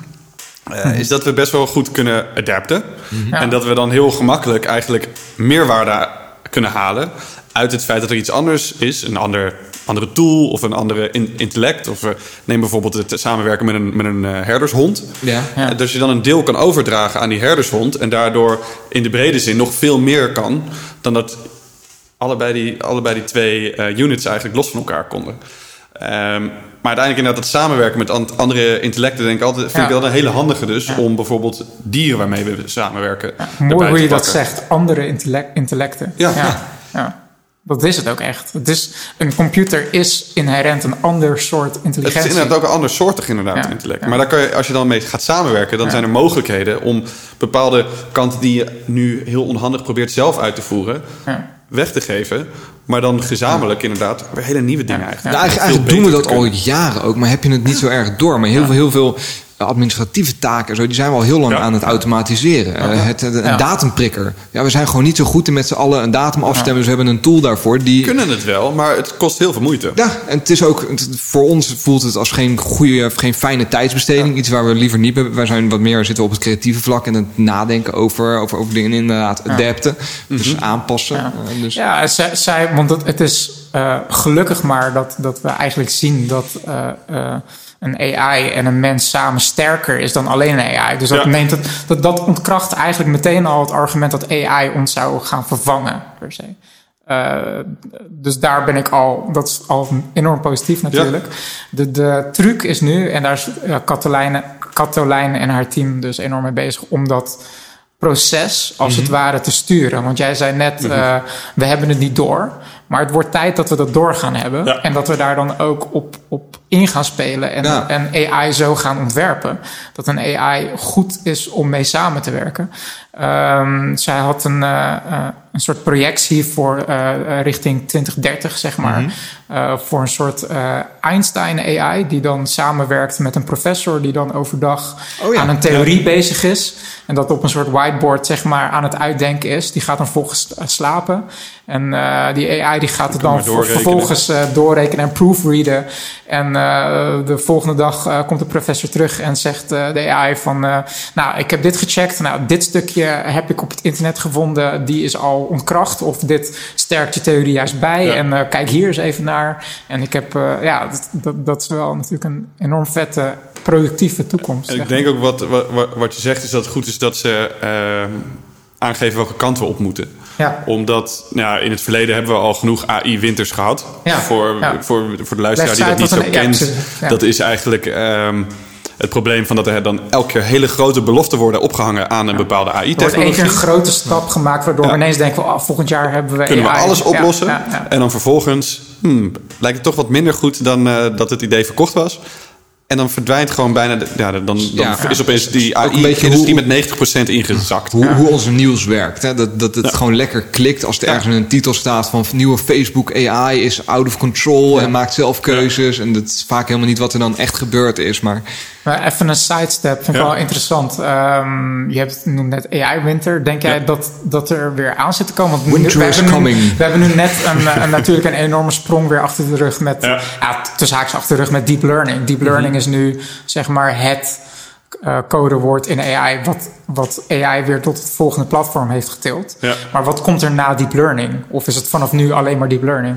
Nou, ik wat, denk wat, dus- wat verstaan jullie exact onder deep learning? Want dat, dat is mij ook, het is een beetje een hype term. Wat is het? Het, het is, eh, als ik het, correct me if I'm wrong, eh, David, maar Mhm. het is eh, omdat we nu eh, heel goedkoop heel veel eh, eh, rekenkracht hebben, Mhm. eh, kunnen we een, een, eh, een leermodel, kunnen we heel veel informatie geven, big data. Mhm. En ehm, eh, met die rekenkracht kan, kan die computer die enorme dataset eh, doorspitten en verbanden zoeken die wij niet eens snappen, zeg maar. Ja. Een soort van multidimensionaal model maken. Ja. Eh, kijk, wij snappen van eh, de temperatuur heeft te maken met, met eh, eh, het weer. Of als het warm is, dan worden er meer ijsjes verkocht. Dat is dan een, een correlatie. Ja. Maar een computer die kan dan eh, correlaties vinden die compleet alien zijn. We snappen die correlaties niet eens. Kun je Maar ze ook niet toetsen dan? je, je kan ze niet, je kan ze niet uitbeelden of uitleggen. Maar daardoor heb je wel een, een, een predictiemodel die Eigenlijk, werkt. ja, is eigenlijk wat wij. Ik weet niet of je onze vorige aflevering hebt gehoord, David, maar waar we het vorige aflevering over hadden. Het, het super-algoritme van YouTube die ontdekt dat jij Ja. heel lekker gaat op Ja. eh, vliegtuigfilmpjes, terwijl Ja. je helemaal niks met vliegtuigen hebt. Ja, ja, dan je wist het zelf niet eens, maar ja. ergens hebben ze toch een, een, Ja. een correlatie gevonden Ja. tussen Ja. jouw kijkgedrag en vliegtuigen. Ja. Dus gaan we je dit geven. En dan nog een kleine aanvulling van waar komt die term deep learning eigenlijk vandaan. Is dat inderdaad het algoritme dat leert op basis van de gegeven ja. data. En het zijn inderdaad meerdere lagen binnen een neuraal netwerk. Ja, dat zijn allemaal losse onderdelen die met elkaar zijn verbonden. En dan in al die verbindingen worden correlaties gezocht. En via dat netwerk heeft het netwerk dan kennis opgedaan op basis van de inputdata wat te verwachten en hoe te matchen met outputdata. Oké, Ja. oké. nee, maar dan, dan zitten we even een beetje, dan, dan Ja. weet ik ook, hè, dan zitten we aan de same page. Dus dat is Ja. deep learning. Ja, maar dan, eh, Dus we hebben de deep learning hype. Komt, komt, er, komt er een eh, nieuwe AI-winter? Eh, ja, over de AI-winter. Nou, het, het, ik denk dat het minder zozeer een, een AI-winter wordt en misschien meer een AI-herfst. Ah, ja. Dus dat Ja. je krijgt dat het... De toepassingen die werken, die gaan Ja. worden, worden blijven gebruikt. En er is genoeg geïnvesteerd dat het er blijft hangen. Ehm, maar je wil inderdaad nieuwe technologie hebben die meer kan en veel uitgebreider bezig kan zijn. Om ook aan die behoeften van mensen en verwachtingen van mensen aan AI Ja. te kunnen voldoen. En heel veel zit nu inderdaad in het deep learning. Dan krijg je eigenlijk binnen, eh, ja, binnen het kennisveld dat daar eigenlijk een beetje wordt gesalami schrijft. Dus net even, dat algoritme net even ietsjes Ja. beter. Ja. Maar geen grote sprongen. Ja. En als je in, echt innovatie wil, dan wil je grote sprongen. Ja, weer een soort paradigm shift. eh, Paradigm ja. shifts, nieuwe frameworks. En ik kan er nog wel wat buzztermen tegenaan gooien. maar ik denk wel eens hoe, hoe, hoe Katelijn eh, Jonker daar naar kijkt, dat dat wel belangrijk is dat er dit soort visionairen zijn die Ja. gewoon heel anders kijken naar Ja. wat, wat heeft AI mensen te bieden. Anders dan een heel erg mooie klassificatie Ja. van een plaatje. Ja. Komt eigenlijk weer, weer terug op wat we, waar we net een beetje kwamen. Dat AI is ook een tool en geen middel. Ja. En Wat, wat is dan het doel dat we willen bereiken? Nou, het doel is dat we uiteindelijk eh, onszelf willen enhancen. En niet zozeer dat we een hele goede AI willen hebben. Toch? AI Of is dat- niet een doel op zich. Nee, nee, nee, nee. Mooi. Ja. Nice. Dus Ja. dat, dat, ja, super, super vet van Katlijne. Ehm, Katolijn, een moeilijke Katolijn. naam. Katolijn. ja, We hebben het over. ehm, we, we behandelen trouwens niet alle sprekers van eh, Brave New World. wat was te veel en te... Eh, nee. Ja, niet. eh, la Ik heb wel graag in je neus gezeten, Sander. Oh ja, oh ja. Wat? Oh ja. Misschien moet je dat even toelichten. ja, waarom jij mijn neus hebt te vertellen, gezeten. toch? Ja. Nou, Sander en ik eh, werden op het podium gehezen. Ja, ter illustratie van eh, een bepaalde enhancement techniek. Ja, dat, Waarbij was, ik, eh, dat, dat was door Margriet Sietskorn. En die Ja. heeft het boek Hersenhek geschreven. Ja. En één hersenhack is dat je dus het gevoel zou kunnen krijgen dat je een hele lange neus hebt. Nou heb ik toevallig een hele platte neus. dus ik kon deze enhancement ook wel gebruiken. Ja. En daarvoor werd Sander misbruikt door voor mij gezet te worden. En vervolgens is het idee dat je dan ehm, met één vinger op je eigen neus... eh, oh nee, dat zeg ik fout. Mijn vinger werd gewreven over Sanders neus. Ja, dat is fijn. En ja, dat vond Sander prettig. Ehm, en Tegelijkertijd vrees zij over jouw ja, neus. schreef zij voor mijn neus. En insync. Dus dan krijg je op een gegeven moment een soort illusie. Een illusoir gevoel. eh, dicht tegen het rubber hand illusion. Misschien kennen Ja. mensen het rubber hand illusion. Eh, dat je je identificeert met dus die neus voor je. Ja. Ogen waren uiteraard gesloten. En ik zit nu ook heel handig de, de hele beweging na te maken. Dat Ja. zien jullie thuis niet. Maar ik, ik, ik zat daar dus als prop. Ja. Weet je wel, ik had geen illusie. Het enige wat ik Nee. had was een, een dikke vinger op mijn neus die heen en weer ging. Ja. En ik zat daar aan publiek voor, wat is het, 150, 200 man in een stoel. Ja, het was wel een leuk. beetje... ik voelde me wel bekeken, zeg maar. Ik zat daar en... Kan ik me eh, voorstellen. ja. En jij had er nog een, een soort illusie, eh, een lange neus, maar dat Ja. duurde schijnbaar 20 minuten. Dus ook daar zijn we Dus, niet eh, aangekomen. Ook, mijn illusie is niet aangekomen helaas. nee, nee, maar we hebben wel eh, een, een boekje gescoord, geloof ik, toch? Ja, oh ja, we hebben een boek gewonnen. En ik had Oh, beloofd hem mee te nemen. En dat heb ik niet gedaan. Heb je hem gelezen? Ik heb hem ook nog niet gelezen. Oh nee, je vertelde, mag ik dat zeggen, voor eh, dat je op je nachtkastje Oh, dat, ja, dat mag je zeggen. twaalf boeken hebt liggen van hersenact, daar nu één van? Of heb je ergens anders neergelegd? Die staat ik weet in niet de waar ik mee naartoe wil. Over boekenkast gesproken. Ja. Nee. Nee, dus dat... eh, even, even een zijtripje. Dat was, Ja. was fijn dat je aan mijn neus zat. Ja, dat Ik, hebben eh, we ook vond nog gedaan. ja. En in die zin ben ik blij dat je dus niet die nep eh, persoon was. Maar dat jij echt jij was. Want het had ook met een pop gekund. Ja. Maar dit was beter voor onze band. Nee, daarom. Dat vond ik ook. Dat vond ik ook. Ja, hey, waar, eh, want dan hebben we, hebben we best wel wel wat sprekers gehad. Wat vonden jullie nou nog meer echt interessant? Ja, eh, ik vond eh, James Bridle eh, eh, echt mega interessant. Dat was de laatste spreker. Ja, vond ik En, eh, ook, ook die... die, die wel grappig. Eh, Om weer heel even hè, het, het Ja, beeld te schetsen voor, voor, voor, voor, de, voor, voor de luisteraar. Eh, James Bridle is een, eh, is, is een journalist. Ja. Eh, En die heeft ook een boek geschreven, The New Dark Age. Ja, En eh, wat ik heel erg vond, is dat je ook. In, dus je zit daar eigenlijk tussen allemaal onderzoekers en academici. En hij is daar de, de, de vreemde eend in de bijt als journalist. Die overigens ja, wel echt. dat ja, ik moet zeggen, journalist doet hem niet ten nadele van de journalisten onder ons. Maar hij is wel ook echt een filosoof. Hij heeft, eh, eh, schrijft voor Wired. En, dus hij is wel een soort technisch journalist. Met een behoorlijk filosofische insteek in zijn... eh, eh, Ja, maar, maar, Schrijven. maar, maar, maar journalist niet te min als in... ehm, ik vond hem wel een vreemde eend in de bijt. Als in, hij had wel echt by far het beste... eh, ja, het, het was gewoon heel fijn om naar hem te luisteren, zeg maar. Goeie spreker. Ja. Ook al had hij echt een onzinverhaal daar neergezet... dan nog was ik... Het was gewoon fijn om naar hem te luisteren. gelukkig was het geen onzin. Het was absoluut... Nee, Nee, maar dan, dan, dan heb je als luisteraar ook een Ja. beetje een idee van... Nou, wie, wie, wie, wie is die vent? En hij is best wel een, eh een, een, criticaster. Hè? Dus we hebben dan, dan Ja. dat verhaal gehad... en het ging een beetje alle kanten op van positief... en waar moeten we nou de focus op leggen? Eh, moet dat liggen bij eh enhancement? Moet dat liggen? Dus dat, dat, Ja. dat heb je dan achter de rug. En dat werd dan afgesloten door... door, door Bridal, Ja, ja. James Bridle. James Bridal. James. Jamie James. Bridal. James het Vlak James daarvoor hebben, we- hebben we nog een praatje gehad van Nolan Gertz. Nolan Gertz die is echt een filosoof die ons eigenlijk een, een, een snel lesje nihilisme heeft gegeven. En hoe dat, eh, Dat zeg je goed. ja, dus dat was echt, echt super interessant ook. Ja. Maar wel iets waar we een aflevering aan zich aan zouden kunnen wijden. Dus ik denk dat we die nu een beetje buiten beschouwing moeten laten. Ja, maar ik denk dat als we dat zouden doen, dat ook een heel groot deel eh, zou worden. Ja, nee, het, het is wel... Eh, eh, Nietzsche, I guess. Eh, Ja, dat, dat, ik, ik, vond het... Ja, ik, ik, ik zie David al gelijk... Die, die, die wil volgens mij gelijk losgaan daarover. Nee, nee, nee, nee, nee. Die heeft daar ook wel ideeën over. Maar die, die laten we even buiten beschouwing. Ja. En als laatste hadden we dan dus eh, het, de, de, even, even, even dat, dat anti-geluid. Van- nou, ik vond het, eh, is wel grappig, want nu het schiet me het ineens te binnen. Ik weet niet of het per se anti-geluid is. Ik vond het meer een waarschuwing. Want wat hij deed, ehm, en even... eh, ik heb eh, vorige week eh, zijn boek gelezen, eh, Ja. New Dark Age. En dat sluit best wel goed aan op, op de presentatie die we gezien hebben. zijn, zijn presentatie was eigenlijk in, in, in vogelvlucht Ja. boek, had ik het Ja. idee. hè. Dus- Ja, dat kan je, ja, dat kan je wel zeggen.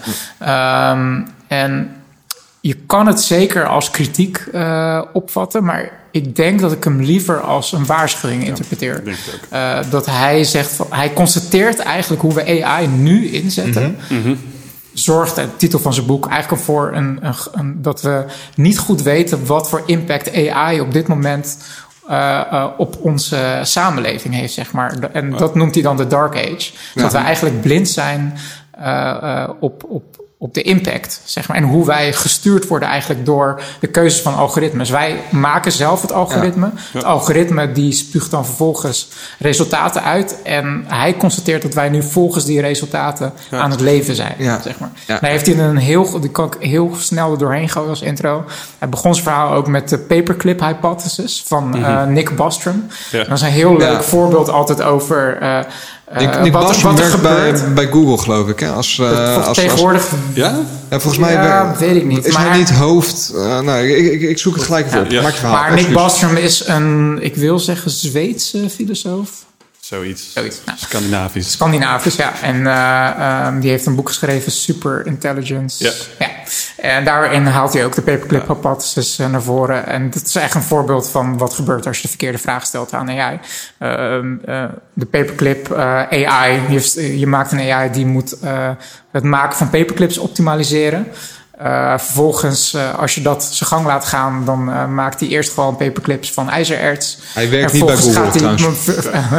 dan, verzint hij, dan verzint hij een, een, techniek om van andere materialen paperclips te maken. En voordat je het weet, heb je een soort van, maakt de AI een, een robotleger die het hele universum opslokt en alleen maar paperclips aan het maken ja, is. Alle mensen bij het spel zet als een kapot maakt. En dat is natuurlijk een, een grappig verhaal. Maar dan zegt James Bridle van, in feite gebeurt dat al dat bijvoorbeeld oliemaatschappijen uh, uh, uh, een, een, een algoritme, een AI maken om het, om het vinden en de winning van olie te optimaliseren. Mhm. Mm -hmm. En dat de AI zonder enig. uh, Terughoudendheid. ja, inderdaad. Zonder scrupulen.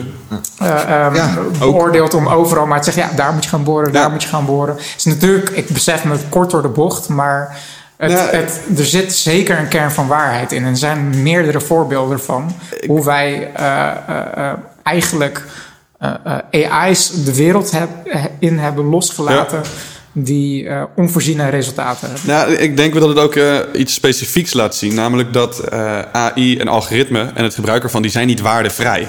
Sterker nog, ze zijn opgesteld om bepaalde doelen te maximaliseren.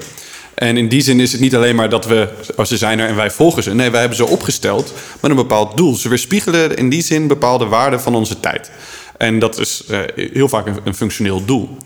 Um, zeker in de handen van een uh, partij die bezig is om bijvoorbeeld inderdaad zijn olie erin te halen. Ja, ja die, die, kijkt gewoon, hoe, hoe, maximaliseer ik dat? En dan Ja. gaat die, dat algoritme gaat ook niet zelf nog even een reflectie doen. Van, wat, wat, eh, wat vind ik ervan? Nee, en over het algemeen leven we ook in een tijd waar partijen die het meeste te investeren hebben in dingen als AI, eh, partijen zijn die Ja. eh, niet per se in lijn zijn met eh, de waarde van de wereld, zeg maar. Als ik dat zo, eh, zo, zo, zo kan zeggen. Ik denk dat, dat je daar inderdaad wel goed in mee zit. Ja, dat, dat is wel ja, tricky. dat is wel iets waar we, waar we over na moeten gaan denken. En, en het Want- is dan niet te zeggen van de, de, de, de partijen die ehm, dat doen, dat die dat niet mogen. Ik denk dat dat irreëel is. Maar het is wel belangrijk dat we daar actiever over praten. Van waar, waar, waar komen de ideeën om een algoritme op een bepaalde manier in te zetten? Waar komt dat vandaan? En zijn we het daar met z'n allen wel over eens? Ja, ja. Ja eh, in het boek haalt hij no- nog meer voorbeelden aan eh, van bijvoorbeeld een, een, een bedrijven die eh, eh, op Amazon allerlei t-shirts aanbiedt. En dat zijn waarschijnlijk t-shirts die dan nog nooit geproduceerd zijn. Maar een algoritme is gewoon een miljoen versies van een t-shirt aan het pompen op Amazon. En krijg als gevolg krijg je dan deze t-shirt die zegt eh, eh, keep calm and rape a lot. niemand, niemand heeft de keuze gemaakt Ja. om zo'n t-shirt Ja, niemand heeft daarbij stilgestaan. Of, uh, of überhaupt te produceren. Maar het is wel op een gegeven moment uh, bestelbaar op, op Amazon. Zeg maar.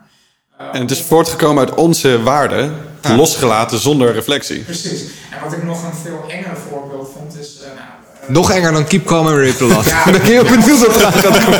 Nee, maar dat is, dat, dat is meer een soort van oh shit, dat hadden we niet eh, moeten aanbieden op Amazon. Ja. Maar, maar dat heeft dan die, de gevolgen daarvan. Het- Ja. Het is eerder een PR-probleem, zeg maar, dat het dan Ja. verdere gevolgen heeft. Ja. Maar wat ik wel... Een be- eh, beetje als de, de, de, de biases die ook in verschillende eh, Google-producten en dergelijke Ja. zitten. eh, je- ja, precies, precies. Dat, dat, dat, dat, Ja. dat jonge man, ja goed, maakt niet uit. Maar waar het op een gegeven moment wel... vervelend dat het naar voren is gekomen. Ja, ja precies. Ja. Maar wat dan wel eh, enger is, bijvoorbeeld eh, eh, jonge eh, kinderen van twee, drie jaar die dan de hele dag eh, eh, op YouTube zitten, dat die videomateriaal voor zich krijgen die grotendeels Oh ja. algorithmically eh, generated zijn. Het is nu gewoon heel makkelijk Zijn om dat van die die eh, goedkope... Peppa Pig filmpjes Ja, die ja, heel, ja, heel Peppa- lug- Peppa luguber Pig, zijn? Ja, en dan, Peppa eh, Pig of van die nursery rhymes, zeg maar, van die kinderliedjes. Ja. Eh, v- Maar dan eh, zo'n en- creepy en- clown in. eh, ja, ja, en dan, daar kan je dan eh, heel goedkoop van die, van die eh, eh, jaren 90 Pixar animaties onder zetten. Met net een andere variatie dan met Marvel superheroes. Dan, dat wordt gewoon allemaal achter, achter elkaar gepompt. En die kids zitten dat. eh, kinderen zijn sowieso heel goed in eh, doorklikken en repetitief hetzelfde melodietje constant Ja. horen. Ja, dat is best wel scary eigenlijk. En dat. eh, Dat we gebeurt. eigenlijk... Ja. ah, wauw. We laten eigenlijk dus de AI nu onze kinderen, Kinderen deep learnen. Ja, Ja. ja. nee, Ja. tot op zekere hoogte inderdaad. eh. Cirkels rond. En- maar ja. daar is ook wel het, het, het lastige dat veel mensen denken deep learning en neural networks, dat is gebaseerd op hoe het brein werkt. Maar in grote zin is het helemaal niet hoe het brein werkt. Ehm, wat jij bijvoorbeeld zegt, dat je zomaar. geef ons even een lesje, dat erin, erin ja. in kan plaatsen. Bijvoorbeeld dat je een, een leuk kinderfilmpje hebt Ja. en dat het algoritme wordt dan eigenlijk in de maling genomen. Ja. Zijn, eh, ja, zijn slechte kanten die worden geleveraged.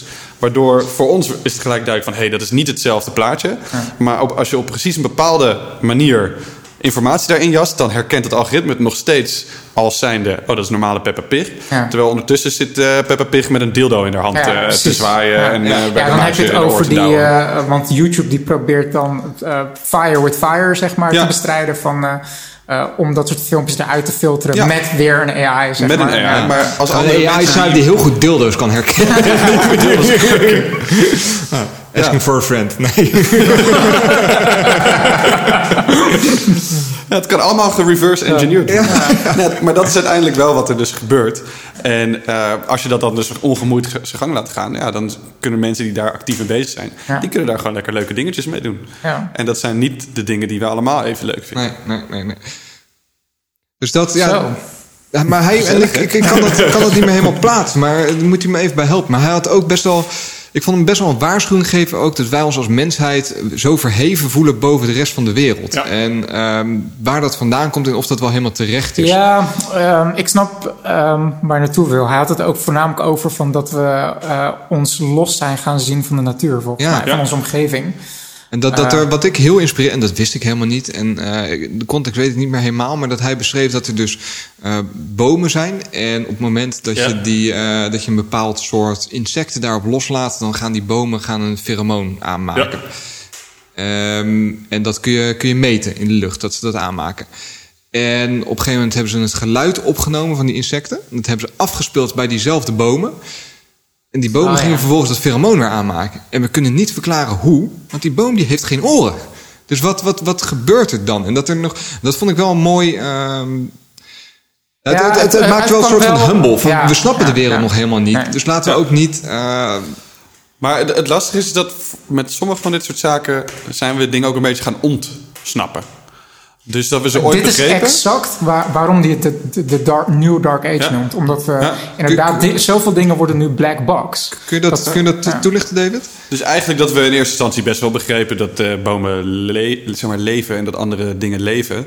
Maar we zijn zaken steeds meer als dingen in afstand en als een soort dode objecten gaan benaderen. En niet meer echt aan het volgen van hoe begrijpen we eigenlijk eh, de natuur waar we in meedraaien. Dus kijk bijvoorbeeld naar je idee van hoe een, een, eh, een, een blinde nadenkt. Voor heel veel mensen, zodra ze daarmee aan de slag gaan, dan denken ze: hè, maar hoe kan die dan denken? Want ik denk in beelden. Dus dan kan die ander toch eigenlijk helemaal niet denken. Hoe kan die dan communiceren? Maar hij doet het wel. Ik zie dat het gebeurt. Ja. Maar het kan eigenlijk helemaal niet. Maar dat komt omdat we dus heel erg vanuit ons eigen perspectief van denken en dingen begrijpen, het begrijpen duiden. Ik denk het op deze manier. En als dat niet op deze manier gebeurt, dan is het geen denken. Ja. En ehm, hetzelfde met het horen wat je zegt van... hè, dus die boom die heeft geen oren, dus hij kan niet horen. Ja, dat is voor, niet inderdaad het horen wat wij doen... maar het kan inderdaad best wel wat vastleggen.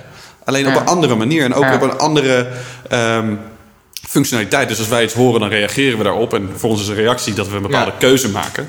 Voor een boom ja, is dat inderdaad niet precies hoe het gaat. Dus het is ook inderdaad niet dat je denkt van... oh, oh de bomen, bomen die horen wat ik nu zeg. En als ik ze maar lang genoeg vertel...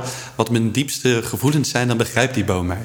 Dat, dat moeten we denk ik niet verwachten. Ja, was, ja, ik vond het ook wel leuk. Hij, eh, ik ben helaas, eh, de, ik had de naam niet opgeschreven, maar in het verlengde daarvan eh, vertelde hij ook over een, een soort experimentele filosoof die een fabriek had ontworpen. En eh, eh, hoe die fabriek werd aangestuurd, was dat buiten die fabriek was een, was een vijver. Ja. En daar werden dan sensoren in geplaatst. En volgens mij waren het lichtsensoren. En door de refractie van het licht in het water kreeg je dus een bepaalde random input. En die random input eh, eh, bestuurde de fabriek eigenlijk. Ja.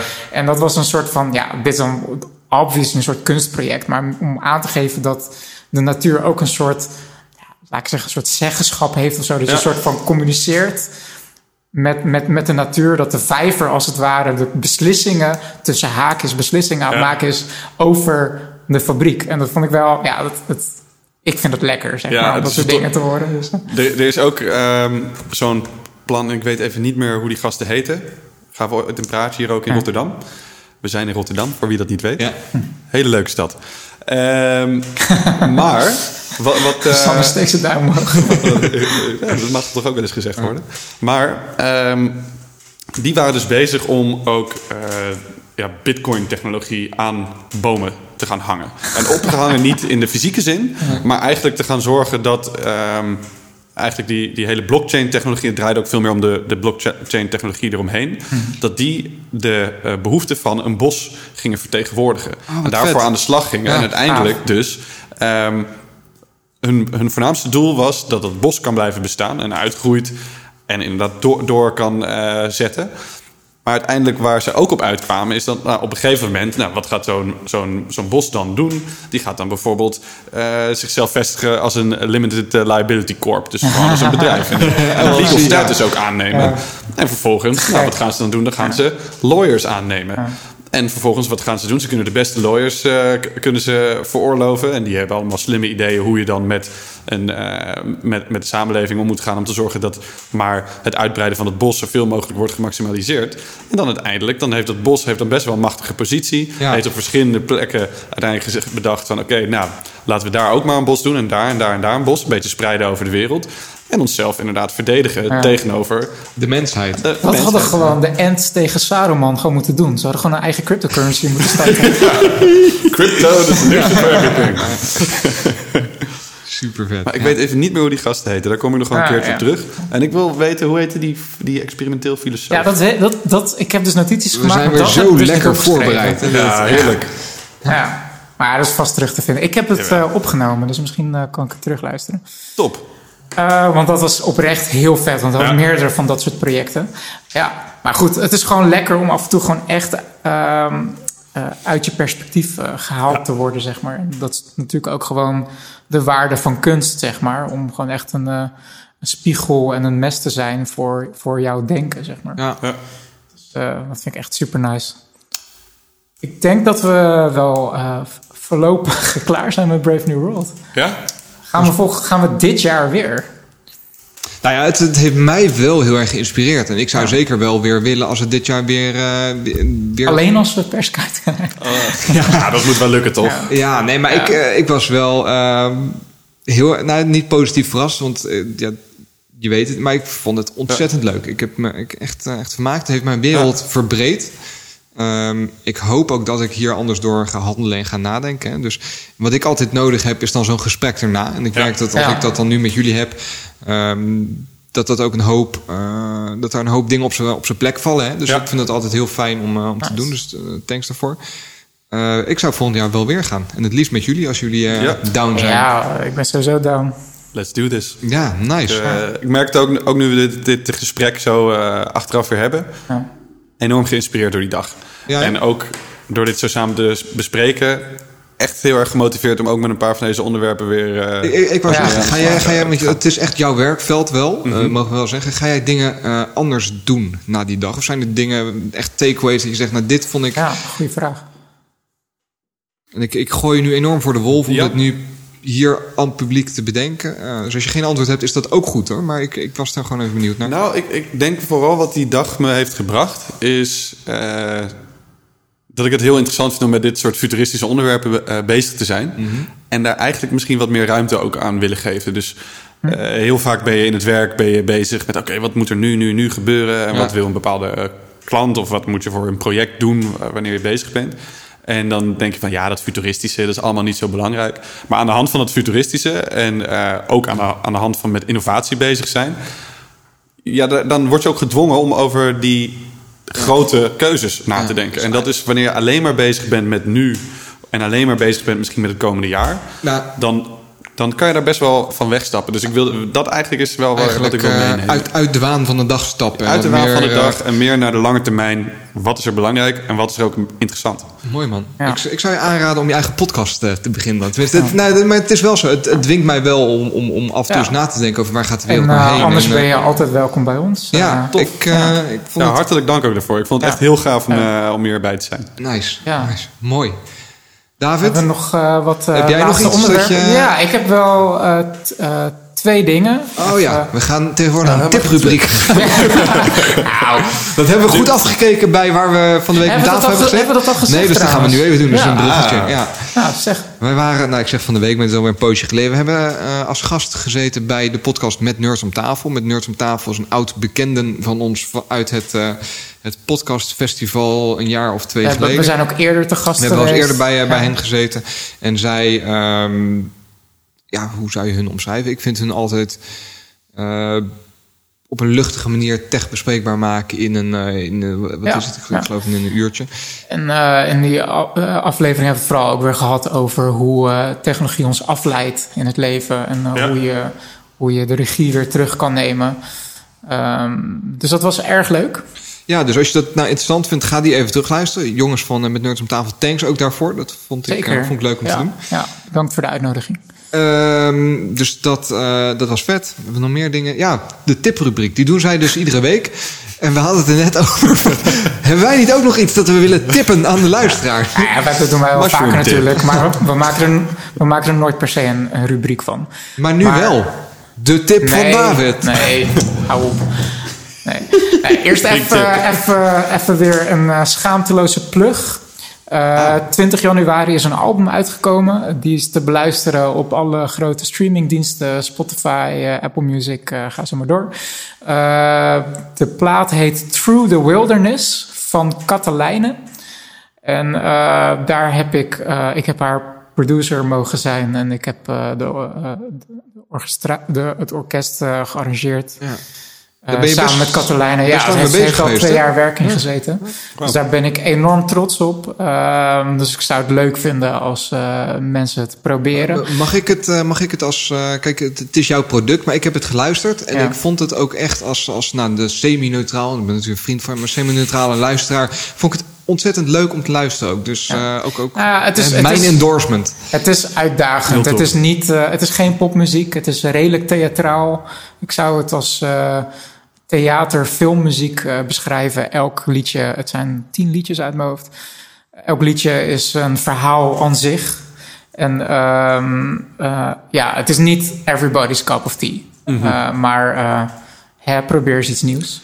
Ik, ik heb er net ook 20 seconden van mogen horen. Dus ik kan ook een erg uitgebreid relaas erover geven. Maar wat het lekkere was, is dat er, de sfeer die zit er gelijk bij. Echt gewoon een diepe sfeer. Ja, dankjewel. dus eh, dat. En eh, dan heb ik nog een boekentip. Eh, een science fiction boek, Hyperion van Dan Simmons. Nou, dat is wel echt een van de betere boeken die ik, fictieboeken die ik een tijd heb gelezen. Ja? Zo inventief en eh, Is, ja, is, ik is het hard echt sci-fi of is het meer space opera? Het is. Oeh, daar zeg je me wat. Weet je wat het is? Het boek. eh, er komen zoveel concepten in voor. Ik zal eh, even een korte eh, inleiding geven waar het over gaat. Hyperion is een planeet. Ja. En op Hyperion is er een, een, een soort tombe. Die worden de Time Tombs genoemd. En daarin zit een soort, dat wordt de anti-entropic field, zit daar omheen, wat een soort van tegenhoudt dat de tombe veroudert. Sterker Ja, nog, er gebeuren allemaal rare ja. tijdsdingen. Het gaat eigenlijk terug in de tijd. En er is een, een, een soort alien die heet de Shrike. En de Shrike die eh, is eh, zo goed als God. Die, die tijd, hij kan tijdreizen, hij kan teleporteren. En die maskert random mensen op de planeet. En er zit dan ook een hele cult omheen, een religie. De, Ja. de, de, de Church of the, of the Shrike. En er is dus één keer per jaar een soort eh, eh, pelgrimstocht naar die tombes. Uh, om eigenlijk een soort van opgeofferd te worden. uh, en uh, um, ja, het is, het is echt bizar. Het is, maar het, het, is. Zo klinkt het ook. Geloof me, het is geniaal. En je volgt in het verhaal eigenlijk een groep pelgrims van zeven mensen. De, de pelgrims moeten overigens altijd een priemgetal vormen. Uh, mm-hmm. Anders gaat de shrike helemaal los. Oké, okay. cool. Want ja. priemgetallen zijn niet iets menselijks. Nou, priemgetallen zijn op zich wel een uh, interessant uh, wiskundig uh, ja. object. Ja. Um, dus op zich snap ik het wel. En uh, het boek is eigenlijk zo gestructureerd dat ze, ze zijn dus ze maken de reis en um, ze kennen elkaar niet en dus ze spreken in het begin van de reis af om een verhaal te vertellen uh, waarom ze hier zijn. Ja. Dus het zijn eigenlijk een aantal korte verhalen verpakt in één groot uh, verhaal. En al die korte verhalen hebben ook allemaal uh, invloed op de planeet uh, Hyperion. Dus je leert ook meer over Hyperion. Je leert meer over, over de, de wijdere wereld. Want je hebt dan, want je noemde net, het in die zin ook een soort space opera. Want die, die wereld is enorm interessant. De, ja, je hebt de society die heet de Hegemony. En die mm-hmm. hebben een soort van portalen uh, waarmee je kan, uh, heel snel kan reizen tussen planeten. Dus uh, een minor spoiler, een van de karakters heeft een, heeft een soort villa met twaalf portalen erin. Dus zijn huis heeft eigenlijk toegang tot twaalf planeten. Sub, dat soort ideeën zitten er dan Vet. in. Ja. En ik was al meteen gepakt na het eerste... Het eerste verhaal is een beetje horror zelfs. Ja, is, ik heb hem echt in één adem uitgelezen en ik kon gewoon niet stoppen. Het is zo goed geschreven. Nice, cool. En uh, het is uiteindelijk een onderdeel van vier boeken. Dus je hebt dan Hyperion en uh, ik ben nu bezig met The Fall of Hyperion. En uh, er zijn daar nog twee boeken. Echt een, als je van, van weirde sci-fi houdt, alles komt erin voor. Horror, AI, echt goede ideeën zitten erin. Okay. Okay. Dus dat is echt te gek. Nice, nice.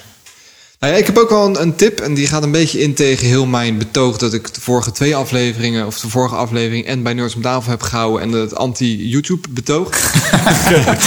gaat hij een YouTube tip geven? Ja, want ik heb wel een fijn, fijn kanaal gevonden. En uh, ik, ik, uh, ik besef me terdege dat het ook een kanaal is waar je zelf heel erg in kan verliezen. Maar ik heb een ja. kanaal gevonden van een, uh, noem hem een New Age Bob Ross. En dat is een guy en die heeft, die heeft als hobby heeft hij om van die, van die Warhammer 40k dingetjes te schilderen en zo. Dat is zo oh, relaxed. En dan ik heb het vroeger naar... gedaan. Van die, ik ook, uh, ik ook. Ja, ik, ja. Dus, ik had een High Elves ja. Army. Ik had, ik had uh, Blood Angels, Space Marines. Ja, nee, maar dat is 40k. Ja, 40k. Ja, ja, ik had de fantasy. Ah, oké. Okay, um, maar goed. Uh, Hoe heet hij? Goobertown Hobbies. En Goobertown echt, Hobbies. Die gast die heeft dan een heel diepe, fijne stem. Hij heeft op een gegeven moment één aflevering, zou ik je echt aanraden, ook over The Mandalorian. Het enige wat hij dan oh. gaat doen, dan gaat hij een figuurtje dat hij zelf heeft 3D-print van The Mandalorian met een Baby Yoda, gaat hij verven en dan gaat hij een half uur lang gaat hij uitleggen waarom uh, Baby Yoda zo'n briljant karakter is. Nice. En net op de achtergrond dat hij lekker aan het verven is. Ja. Ja, nou, het is echt, echt Dit heel fijn. Klinkt heel erg Bob Ross. ja, dus, uh, dus, dus, uh, dus die. En ook even een snelle boektip heb ik ook wel even op ons Slack-kanaal uh, gezet. En dat is het boek Het is oorlog, maar niemand die het ziet. Is uh, super interessant boek. Twee zinnen erover. Het is, of nou, iets meer zinnen erover. Het is een journalist die beschrijft eigenlijk de situatie waar we nu in zitten. Met de hele digitale oorlogsvoering die gaande is uh, onder de oppervlakte. En waar je eigenlijk niks van af weet. Er zit een hoog schrikgehalte. Ah, oh, nee joh, uh, zit erin. Doet de IVD dat ook nog? Ja, oh. en uh, nou ja, vooral doet Amerika dat ook nog. Ah, doet ja. Rusland dat ook nog. En doet China dat ook nog. En wij hebben daar schijnbaar ja, ook best wel een grote rol in. Ja, um, ja het, het, leest heel fijn weg. Ik ben er altijd heel erg allergisch voor als journalisten over techniek gaan schrijven op een manier uh, dat het ja, het gewoon niet lekker leest voor, voor, voor mensen die iets meer van techniek weten, zeg maar. Maar dat doet hij absoluut niet. Eh, dus het leest voor iedereen lekker weg. Dus die, eh, die wou ik ook nog even meegeven. Tof. Ja. David, heb je nog iets van een tip? Ja, ik heb eh, twee tips. Ik denk dat ik maar begin met het boek. Ehm, ik ben momenteel ben ik een boek aan het lezen, Philosophy of Physics, Oké. over quantum physics. En dat is van Tim Maudlin. Wel opgelet, het is best wel een theoretisch boek. Dus Ja. als je zegt van, nou, ik wil echt niet de diepte in, niet doen. Als je zegt, ik wil wel de diepte in, echt doen. Want het is Nice. gewoon heel goed geschreven. Hij zet het goed uiteen en hij geeft eigenlijk een blik op eh, quantum physics, waarbij het gaat om het begrijpen van quantum physics. En niet alleen maar voorspellingen doen op basis van rekenmodellen. Eh, een theorie, en zeker een wetenschappelijke theorie, dat is meer dan alleen maar een model. Ja. Eh, en in de zin meer dan alleen maar een model om voorspellingen te maken. Uiteindelijk probeer je gewoon de natuur, eh, of wat het ook is wat je probeert te begrijpen met je theorie, Ja. te begrijpen, te volgen. Weer een gevalletje doel en middel. Ja, precies. Dat is inderdaad. hij heeft inderdaad ook nog een ander boek over space and time. Die heb ik nog niet, niet gelezen. Maar deze over quantum, quantum theory. Echt gewoon top geschreven. En het is ook een van de top ehm, filosofen en natuurkundigen op dat gebied. Het begrijpen van quantum, eh, quantum mechanics. Dan een andere tip die ik heb, en dat is meer een algemene kunsttip, is eh, James Turrell. Er staan prachtige filmpjes ook eh, van eh, online. Wat hij ook heeft gedaan is een vulkaan kopen, een vulkaankrater, Ja. ergens in het westen van Amerika. en daar is hij een gigantische eh, soort van perceptiestallage op aan het bouwen, waarbij eigenlijk het gehele proces is gewoon één grote experience. En het toegevoegde fijne is dat hij lekker kan praten, diepe stem, heerlijke baard. Hij is oud en hij is gewoon volop kunstenaar slash Score. psycholoog slash Lekker. wiskundige engineer. gewoon iemand die heel fijn is om gewoon eh, even tot je te nemen. In- inspirerend iemand. Inspirerende persoon. Hij heeft ook wat stellages in eh, Nederland trouwens. Oké. Ja, Oh, vet. zelfs bij eh Kijk Duin in de buurt. Moet ik nog een keer heen. Ja. Dus eh, kunnen we ook samen heen. Dus Nice. leuk. Ja, nou, vet. Ja, ik ben eh, zeker down. En volgens mij ook een museum Voorlinden. Maar dat eh, James Turrell. James Terrell. Oké, Cool. nice. Cool, cool. Volgens mij zijn we rond dan, hè? Ja, Rest mij niks dan eh, vooral David te bedanken. Jullie bedankt. Onze, onze lieve luisteraars te bedanken wederom voor het geduld en eh, het luisteren. Vind je het nou heel tof wat we doen en wil je ons daarin steunen? Dat kan op een aantal manieren. Noem ons vooral bij je vrienden en kennissen. Hè? Dat is de manier waarop wij groeien. Eh, we hebben geen eh, communicatiebudgetten of überhaupt tijd en zin om aan marketingdingen te gaan doen, toch? Ja, Dus benoem het bij je vrienden, vinden we heel leuk. Eh, mocht je eh, Patreon willen worden, wat ik aan het begin ook al zei, kijk even op onze website. Mocht je mee willen kletsen over dingen die we hier besproken hebben, mocht je ook een, eh, een sterke mening hebben, mocht je ook naar Brave New World geweest zijn of hè, iets anders wat je echt kwijt moet, kom even op ons Slack-kanaal te vinden via onze website. En dan zijn we er wel een beetje, denk ik. ja man. Ja, Weer een lekker begin van het nieuwjaar. Ja, hè? echt Lekker. super vet en leuk. Ja. gaaf. nice. David, bedankt. ja, jullie ook bedankt. Live short and... Wat was het ook weer? Sour. Live short and sour. Ciao, doei. Oh jee.